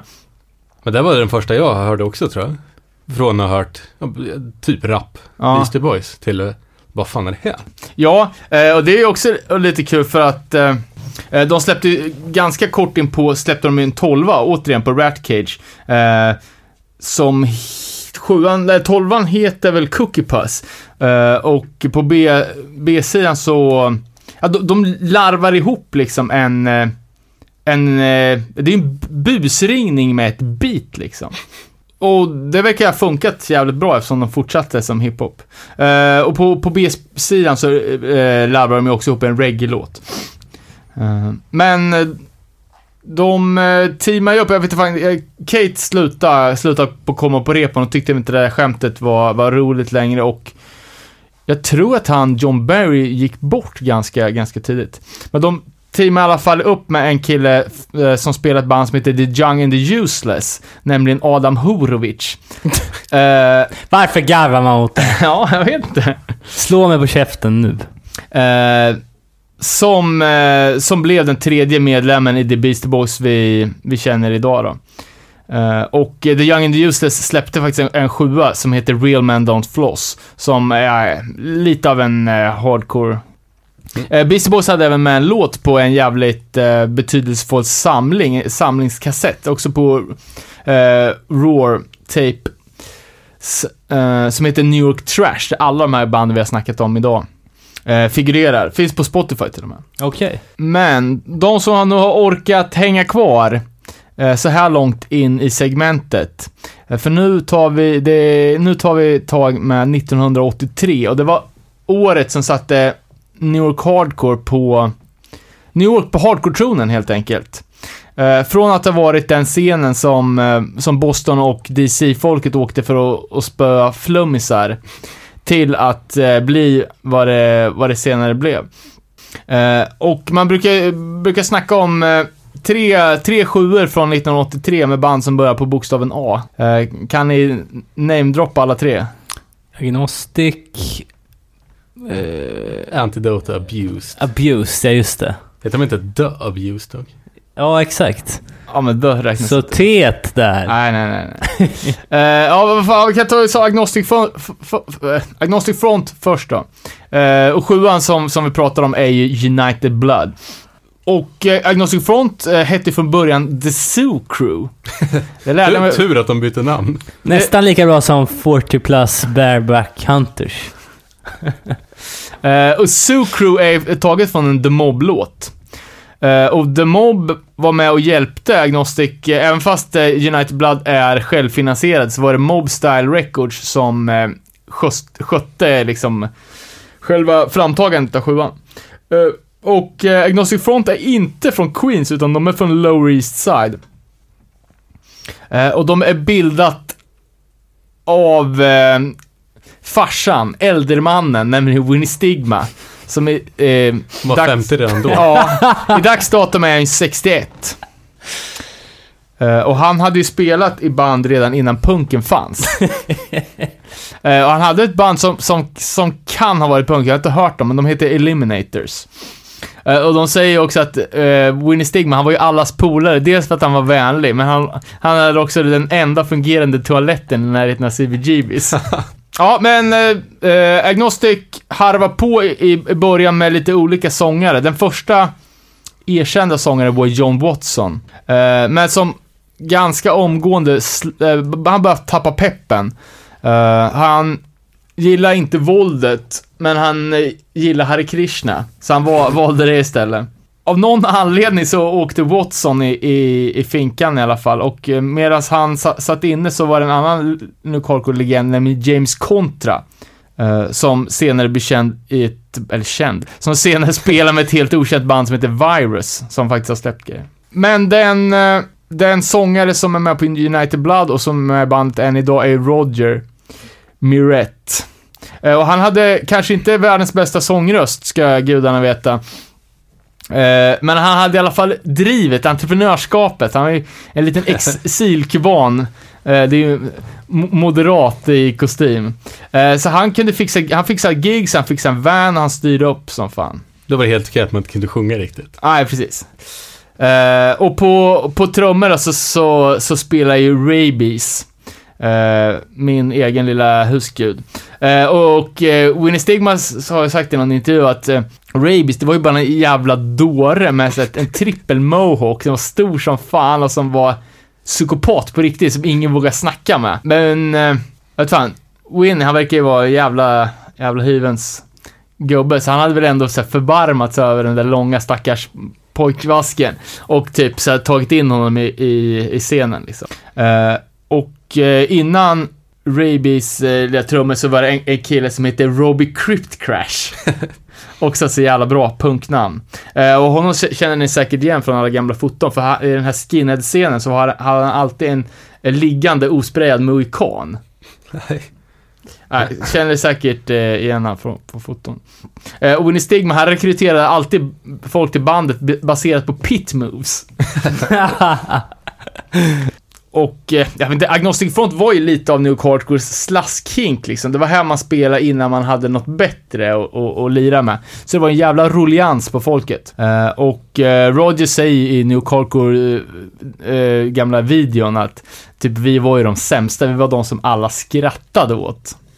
Det Eh, är och då- skumt. Jag tycker fan United Blood är ganska bra. jag skulle vilja säga att vissa låtar låter rent ut sagt för jävligt. Nej, va? Tycker du? Nej, inte för... Nej, det är också... Det är charmigt fast på ett bra sätt. Ja, alltså de, de låtarna som har levt vidare är ju bra. Men alltså de låtarna som aldrig kom förbi United Blood är ju tycker jag inte bra. Då är ju We Suck bättre. Nej, pff. Dunderfel. nu är det tryckt stämning i studion. Kan vi inte gå på den mer intressanta debatten istället om poddens eh, publika uppfattning är att Winnie Stigma faktiskt inte kan spela gitarr? Det är så det är, så det är sagt. Jag är ju för rutten på att spela gitarr själv, så jag kan inte bedöma sånt. Nej, inte jag heller. Det är ingen Ja, du spelar ju gitarr David, så du borde kunna ha en åsikt. ja, men det låter ju bra på skivor. ja, men... Men att de... Att... att inte vet jag om skrönan är att de inte ens pluggar in hans gitarr. Ja, men alltså som vi sa efter att vi hade, det var ju senast vi såg Agnostic när, där i Belgien. Winnie Stigma, han, han, jag har sett Agnostic från, jag måste ha sett dem 10 10 gånger under 15 år. Och han blir bara mer och mer rörlig på scen. Nu senast var det för fan, alltså, Här har ju det mest. ja, du vet, han sprang runt, gjorde små handvolter, så, ja, du vet. Men det man saknar med- teknik tar man ju igen i spex. Jo, exakt. Som när jag spelar bas. Men, eh, men eh, man, hörde ju liksom inte ens... Ja, när han eh, hängde i knävecken från ljusriggen så hörde man fortfarande ingen skillnad i gitarr från när han faktiskt spelade. Playback kanske. Så ja, han, han måste ju ha någon jävla backtrack liksom. Vad var vi? Ja, att, United eh, Blood. United Blood och Agnostic Front, uh, New Carcos Slush Kink. Men Eh, hela den där oj-grejen då? Det måste jag ha kommit här någonstans. Ja, eh, ja precis. Eh, det har ju egentligen, eh, då skulle man backa ända bort till från första början med Stimulators. Eh, och det var ju 12-åriga Holly Flanagan som, de var gigga i Irland med Stimulators. Och han plockade upp skinhead-grejen därifrån.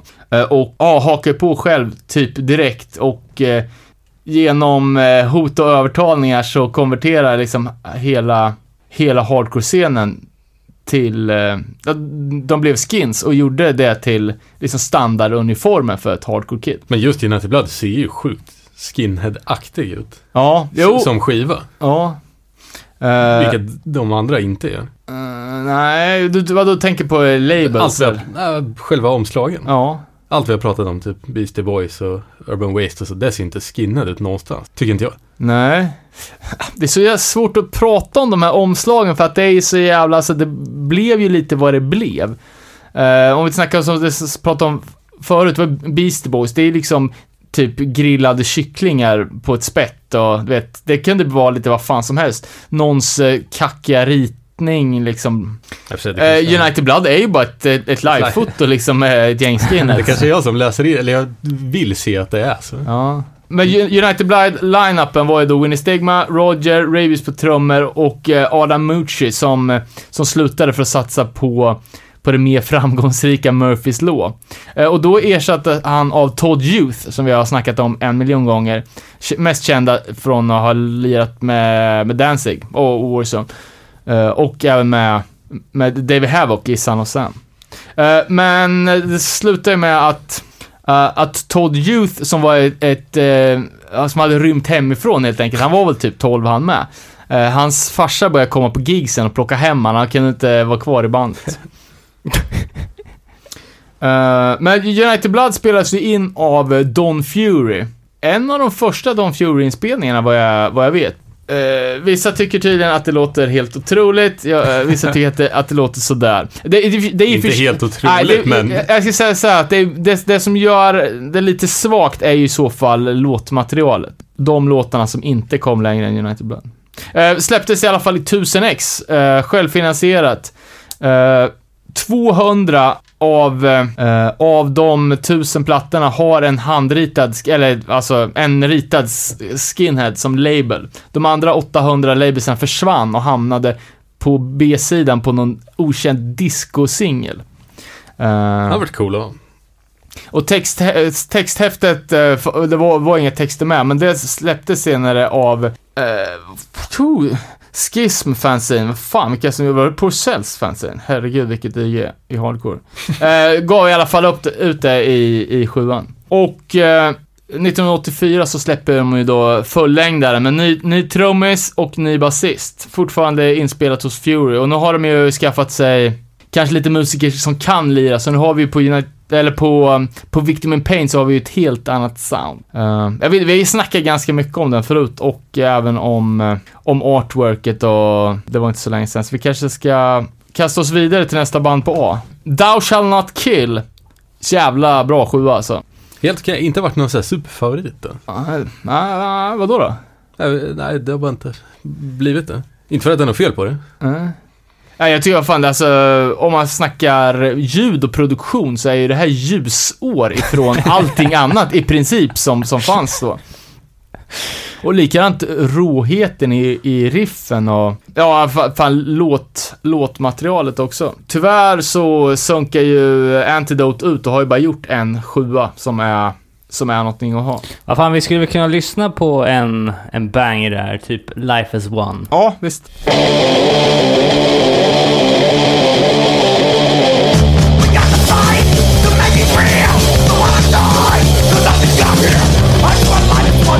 Yo,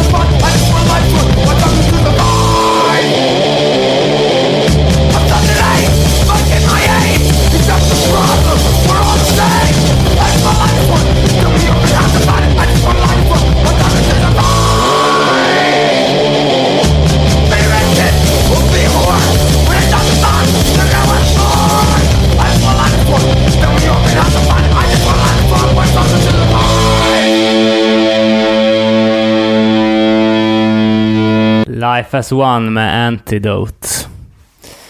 Jävligt bra alltså. Ja, så jävla bra. Fan, håller ju bra än alltså. Det var länge sedan jag hörde någonting av dem. Jag har inte lyssnat på det här alls knappt. Men...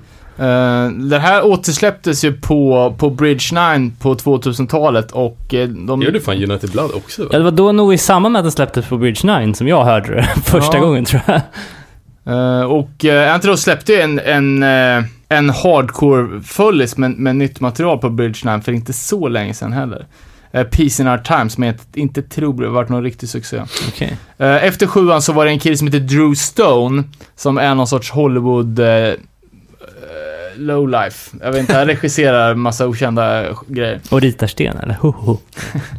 Eh, tog över micken och det blev inte alls lika bra sång. Eh, han kom från ett annat band som hette The High and the Might. Eh, The High and Mighty, det låter ju jättekristet. Ja, kanske. Eller också är det drugs. Ja, Men eh, av titeln så Thou shall not kill och eh, omslaget pryds ju av en, eh, en man som hugger huvudet av en, ett nötkreatur och de har bytt face med varandra. En, en tidig face swap, vad fan. pre-app. eh, och det här är ju... Ganska coolt är det faktiskt. Ja, jag tycker det är så jävla fult. Va? Ja. Fan, det här är podden där vi är oense om allting. Ja. Det, det är ju snyggt. Ja, jag tycker det är svincoolt. ja, det är coolt, men jag tycker det där ansiktsbytet blir så jävla... Jag tycker det ser lite obehagligt ut. Men vad jag skulle säga är att det är ju jävligt tidigt att bara snacka animal liberation. Det är ju många år före Youth of Today plockade upp det och till och med innan den engelska hardline veganen Statement började blanda in det också. Sen en annan låt, de har ju en, eh, eh, det är ju bara, bara hits på den här jävla sju- sjuan. Nazi Youth är också, eh, eh, ja, som namnet avslöjar, en Fuck Nazis-låt. Sen har vi låten Foreign, Foreign Job Lot. Eh, aldrig liksom reflekterat över det förrän jag satte mig och, och, och kollade på texten och det är ju alltså en anti-invandringslåt. Oj. Och det är ur det perspektivet att, alltså det handlar om um, arbetskraftsinvandring som, eh, som, som sänker uh, reallönerna för arbetarna liksom. Och det är, det är liksom inte bara så här Trump bashing the immigrants, utan det är lite mer, dels så säger han i texten att han känner sig som en jävla jerk så här, men att han uh, har svårt att, att, att fixa ett kneg liksom. Eh, men det är också jävligt udda, udda låttema, måste jag säga. Ja, verkligen. Och det, det har inte snackats så mycket om det heller. Jag har aldrig hört någon och jag har aldrig tänkt på vad det handlar om. Nej. Eh, Jag, alltså man har ju lyssnat på det en massa gånger, men jag har liksom aldrig dragit den parallellen. Ehm, och det, men det är liksom egentligen en... eh, att vara för flyktinginvandring men mot arbetsinvandring är ju egentligen en vänsterståndpunkt. Yes, Möjligt, jag har ingen... Ehm, ja, skitsamma. Uh, jävligt bra är det i alla fall. Uh, sen, uh, liten kul bynote är trummisen Bliss. Heter ju egentligen Arthur Googie, som vi har pratat om förut, nämligen i Vadå? Misfits-avsnittet. Han spelar ju trummor på... Fan, herregud. Första Misfits, uh, Walk Among Us. Ja, okej. Eh, Han spelar bättre trummor här då. Ja, exakt. Det var ju han som, han som bara kunde ett komp, eller vad var det så. Eh, sen har vi då det tredje A-bandet. Uh, gissa vart de är ifrån? Queens? Nej? Nej, jag bara skojar. De var från- Bronx. Eh, det är ju det första straight edge-bandet, eller eh, i eh, New York. Eh, scenen som var, ja, faktiskt förpestad av smutsiga droger. Uh, psykedelika var ju alltså, John Joseph säger i, eh, i sin biografi att han sköt heroin när han var 13 och, eh, ja, som vi sa, mycket lim och angel dust, PCP och såna grejer. Var inte Gorilla Biscuit någon drog, pratar vi väl om? Jo, eh, exakt, det var ju, fan hette såna där några jävla, Eh, En kaka, typ. Quaaludes. St- Ah. Quaaludes som var stora som biskvier. Ehm, och eh, som eh, uh, Abuse-sjuan är ju från 83 och då var ju redan Krishna skitstort i New York. Och Krishna säger no, no till drugs, men folk uh, på stenhårt i alla fall. Och de snackade ju om att det, det fanns, de var ju fem pers som, som, var, som var drogfria i hela New York-scenen. Eh, och det var ju bland annat då frontmannen Kevin Crowley eh, och två, två killarna i, i Reagan Youth. Ska, Ja. ska vi vara överens om att den här sjuan är jävligt bra? Ja, det är faktiskt en jä... här, här har vi också ett... Eh, en sjua som förutom bra låtmaterial också låter bra. Ja, det är svinbra ljud. Och jävligt cool sång. Ja, den är ju förbannad... Eller svin, det är inte sån Nej men det är ju... Coldplay-ljud. Det Nej. är bara bra, fylligt ljud typ. Ja, ja men exakt. Ja, man kan höra alla instrument, bara en sån sak. Eh, och de var ju inspirerade alltså, ja men typ från sådana band som de, som de växte upp med, typ Sabbath. Och de ville ju ha ett så fett ljud som möjligt. Till skillnad från vissa andra band som kanske bara tog det, det som de kunde ratta in på när de kopplade in gitarren i stereon. Och de, ja men de var, de var, de var jävligt seriösa med det här bandet och de uh, gjorde en hype-kampanj innan. Kevin var ju, förutom eh, att han var skicklig på att sjunga, så var han ju en jävel på att teckna. Och han har ju skapat en, alltså en jävligt eh, trendsättande stil. Just den här estetiken med muskulösa skins. Eh, som man har sett, ja men fan på varenda jävla hardcore-platta liksom.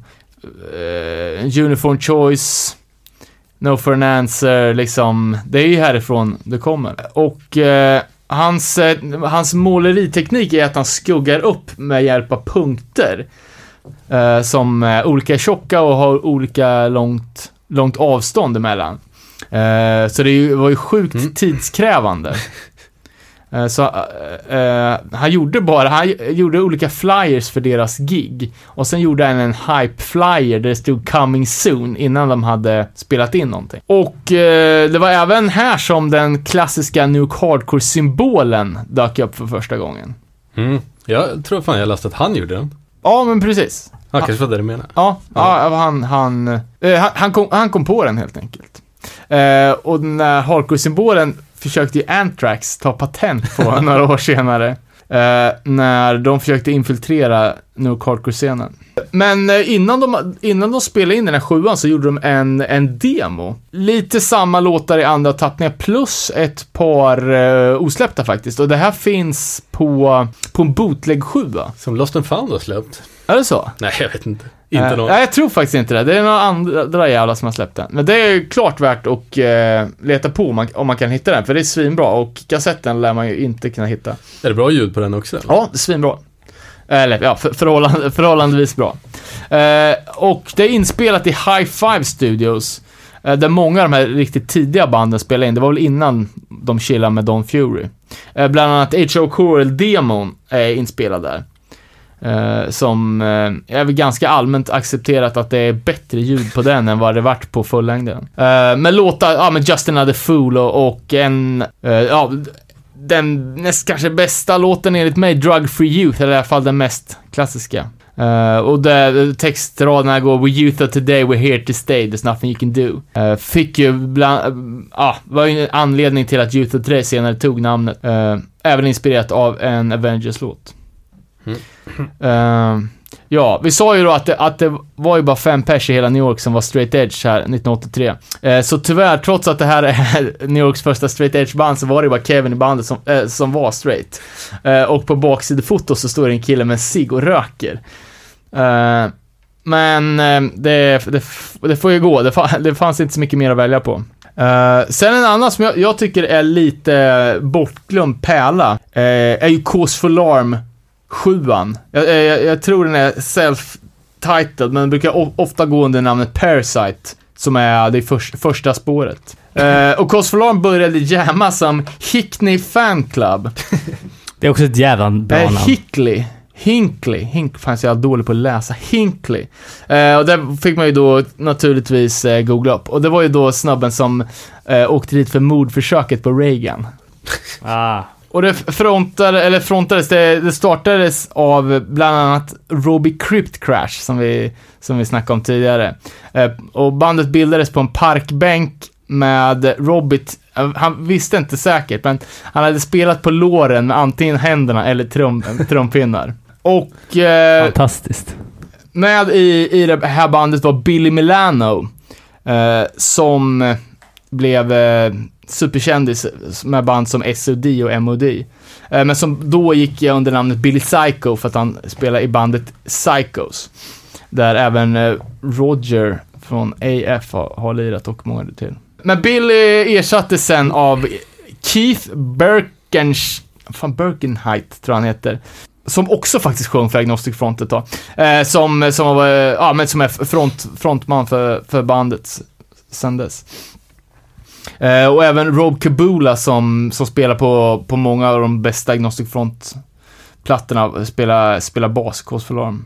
Och bandet tog en liten, eh, liten turn där och de hade något så här, eh, jag vet inte fan om det var ett bandmöte, men de började di- diversifiera sig lite från, eh, från den här mer eh, eh, våld, knark, skinhead-scenen och började kanske peppa lite mer åt peace punk-hållet.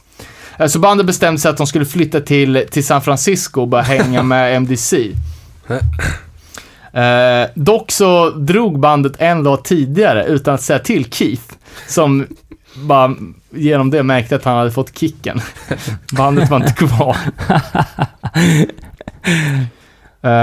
Ja, och de tyckte att Keith, han var alldeles för insnöad på, på Hare Krishna och att det, det skar sig lite med, ah, ja men med deras mer politiska, politiska agenda. Ja, jag, vet fan, jag, jag har väl i alla fall två band till som, som jag tycker att vi, vi behöver nämna. Ett band för att de är så jävla bra och eh, Vi måste ju lyssna på den här Ice, The Iceman. Ja, men absolut, absolut. Och det var det jag tänkte säga som är så, så jävla bra och eh, lite underskattat. Eh, Iceman som var eh, ett eh, stort band eh, på slutet av 80-talet med, med, med klassisk sjua. Men de spelar faktiskt in eh, ett par låtar redan, redan 1984, eh, då som en trio utan sångare, där Marco skötte hela eh, skötte sången och det är mycket, mycket bättre. Eh, och bandet bestod ju av eh, eh Mackie, som eh, kanske är mest känd för eh, att ha spelat med bland annat Chromax, men även med, med Bad Brains. Har även trummat ute i Hästhagen i Örebro med bandet Fun Loving Criminals. Side note. Eh, och Noah Evans från eh, tidigare skinhead-bandet Frontline som tyvärr aldrig släppte någonting. Eh, ja, men vad fan, vi kan väl inte, ska vi gå ut med en Iceman-låt? Eller? Nej, vi har ju redan lovat bort den till de här... eh, the... Vad heter de? Even worse? Nej, Stimulators. Stimulators. Stimulate. Men fan, vi kör den här efter, efter supersist. Eh. Eller inte, eller eh, så lägger vi upp en... Vi kör den nu. Ja, okej. Fett.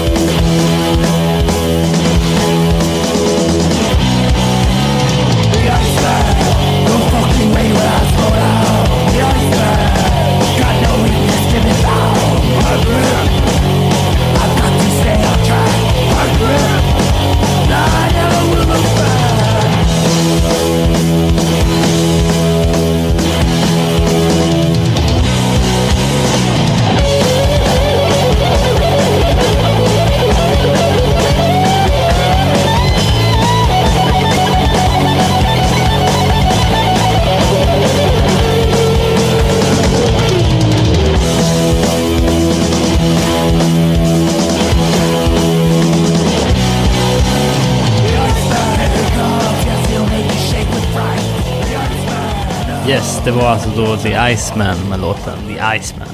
Från Eh, skivan The Iceman. ja, exakt. Produktionsmässigt jävligt imponerande tycker jag för att vara från den eran. Instrumentalt sett också faktiskt. Eh, ja, men Mackie ansågs ju som en av de bästa trummorna, eh, bästa trummisarna i, i New York. Eh, och det finns ju någon lång utläggning i, sju, i sjuan vet jag om, jag tror att de hade en egen studio på något sätt, eller att de, jag vet fan. Uh, kommer inte riktigt ihåg hur fan det var, men eh, köp sjuan och läs, eh, läs vad som står där i. Eh, men det här är alltså en låt som jag alltid brukar, du vet, har du hört det här? För jag tycker det är så jävla bra. Eh, ja, sista bandet för ikväll, som också var ett av de första faktiskt, fast de släppte ingenting förrän eh, 1984. Eh, och det är nämligen Reagan Youth. Eh, ett av de få av de här, eh, ja men New York-banden som har fått någon större kärlek i, i Sverige. Kanske för att de var, ja men snarare Är det inte? Det känns jävligt punkigt tycker jag. Ja men, mer, ja, men de, de var ju superanarkister liksom och lite mer peace punks. De har ju, ja fan, eh, de släppte ju en, eh, en tolva direkt. Sket i demosarna, gick rakt ut på tolva. Youth Anthems for a New Order. Och de öppnar ju med, med Reagan Youth-titellåten med den minst sagt klassiska refrängen We're the Reagan Youth, Sieg Heil. Eh, och eh, bandets eh, estetik, de har ju, all, de har ju haft KKK artwork på alla sina, sina skivor. Eh, men det är ju inget fence walking här, utan de är ju super anti-nazi-band och sångaren eh, Dave Rubenstein heter han ju eh, på riktigt. Han var ju av judisk härkomst och tydligen så var hela hans, hans släkt på hans mammas sida vart mördade av nazis i, i Tyskland. Eh, Dave Insurgent, som, som han hette i bandet, han var ju, till skillnad från fördomen i alla fall, säger många i, andra i scenen, han var smart och påläst. och eh, han var väl kanske den enda i den här skinhead-scenen som, som, som rockar dreads då, förutom utom Bad Brains. Sen var det Al Pike, Paul Cripple och en, eh, en snubbe som heter Steve. Och Al snackade vi om förut. Alltså, det är roligt så här. det är alltid tre supertunga nicknames och sen någon snubbe som heter typ John. Eller Steve. Exakt, det är som eh, Immortals Pure Holocaust, när det är, vad fan heter de då? Abbat, Demonas. Och Erik. Dubbdäck, Doom och Kulta. Ja, eh, så ett, ett eh, superpolitiskt vänsterband som faktiskt har spelat på Re- Republikanska konventet. Eh, det hade jag velat läsa mer om. Eh, men faktum är att de var inte så jävla super, superpålästa politiska i början. Till exempel den, ja, fan, en av de största Reagan Youth-klassikerna, The New Aryans, var från början kallad Planet X. Eh, och handlar om utomjordingar. They came from Planet X, they wanted to have sex.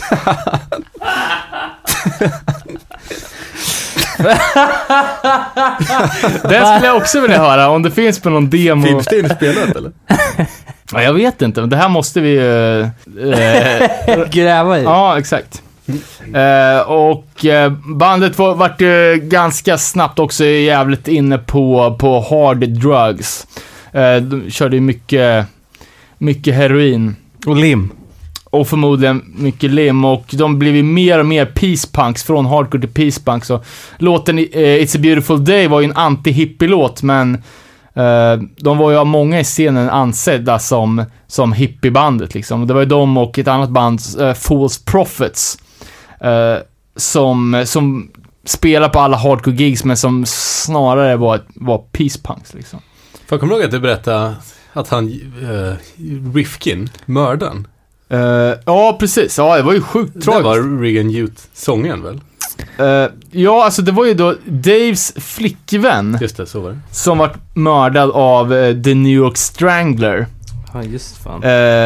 Som, som vars riktiga namn var Joel Rifkin, som hade jobbat på vad fan vad var det jobba på för? Han jobbade på skivbolaget som släppte Nihilistics-plattan. Nu, nu håller vi bara på att referera till gamla avsnitt. Och som senare eh, Erik Olsson kände igen från ett Seinfeld-avsnitt. Ja, ja, men, ja exakt.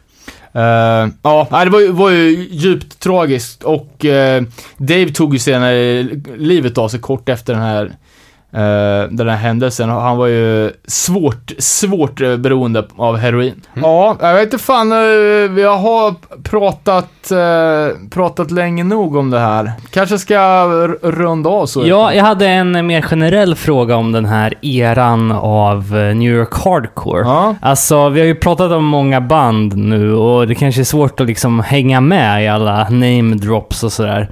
Eh, det här är kanske att ta dig på sängen, men skulle du kunna droppa typ så här topp tre essentials liksom när det kommer till releaser så folk har något att utgå ifrån liksom? Det har Eh, vi redan gjort ju. Ja, exakt. Tre plattor från 83 som börjar på, eh, på A. Ja, Eh, ja, Men bara för att återupprepa, Ja, men menar så, jag, alltså. okej, ja, Bad Brains har ju, har ju alla hört, så det behöver man inte säga. Agnostic Front har alla hört, så det behöver man inte säga. Men vänta, man får ju börja på den först, den tidiga eran, lyssna på Stimulators och The Mad och det där. Och sen tar man den mitten, vad fan pratar vi om då? eh, men jag, jag skulle säga Kraut. Kolla upp Kraut om du inte har gjort det. Det är ju svinbra. Kanske inte det viktigaste bandet, men det är ju pissbra. The, The Mob, tidiga Beastie Boys, ja, det, det blir ju alla. Eh, men An- Antidote, uh, Antidote Abused och Cause for Alarm. Det var ju typ alla band. och sen Urban Waste och Reagan Youth. Och Agnostic Front. Sen är man klar. Eh, börja lyssna på det här avsnittet bakifrån, så då får ni godbitarna. Eh, det där böset som, som vi snackade om två timmar i början är inte riktigt lika viktigt. Sweet. Ja, gediget arbete och jävligt kul att lyssna på all kunskap du besitter om den här delen av New York Hardcore, måste jag säga. Alltid lika underhållande.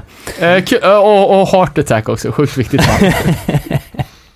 Eh, jag tänkte nästa gång, det blir ju någon slags mellandagsbonanza här när vi ska kora lite årsbästa grejer.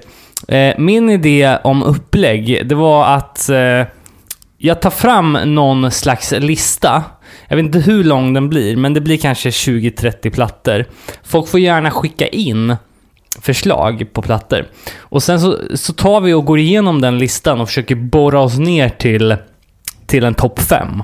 Som, som, Oj, som vi vad kan. svårt. Ja, men eh, då kan vi ha lite, lite utbyte Alltså, och... vi måste ju ha tips på nya grejer. Det är bara att lyssna på Herregud. gammal New York. Fy fan, det bas. finns ju så, alltså det här året är nog fan årets år alltså. Jävlar vad mycket bra grejer det har kommit i Och år. jävlar vad mycket man förmodligen inte har hört. Vi, vi får väl se om det blir en topp 5 eller topp 10 då, men vi kan säga att... Men vi måste, kna, vi måste ha lite små listor också. Men Ja, ja, ja, ja. Men det här blir någon slags officiell nere på noll, topp 10, topp 5-lista. Då kommer det ju liksom. bli slagsmål. Ja, ja, men det kan ju vara kul för, för både oss att ta den diskussionen tillsammans och samtidigt spela in den Ja, på, jag, på jag, kan, jag, kan, jag kan serva då.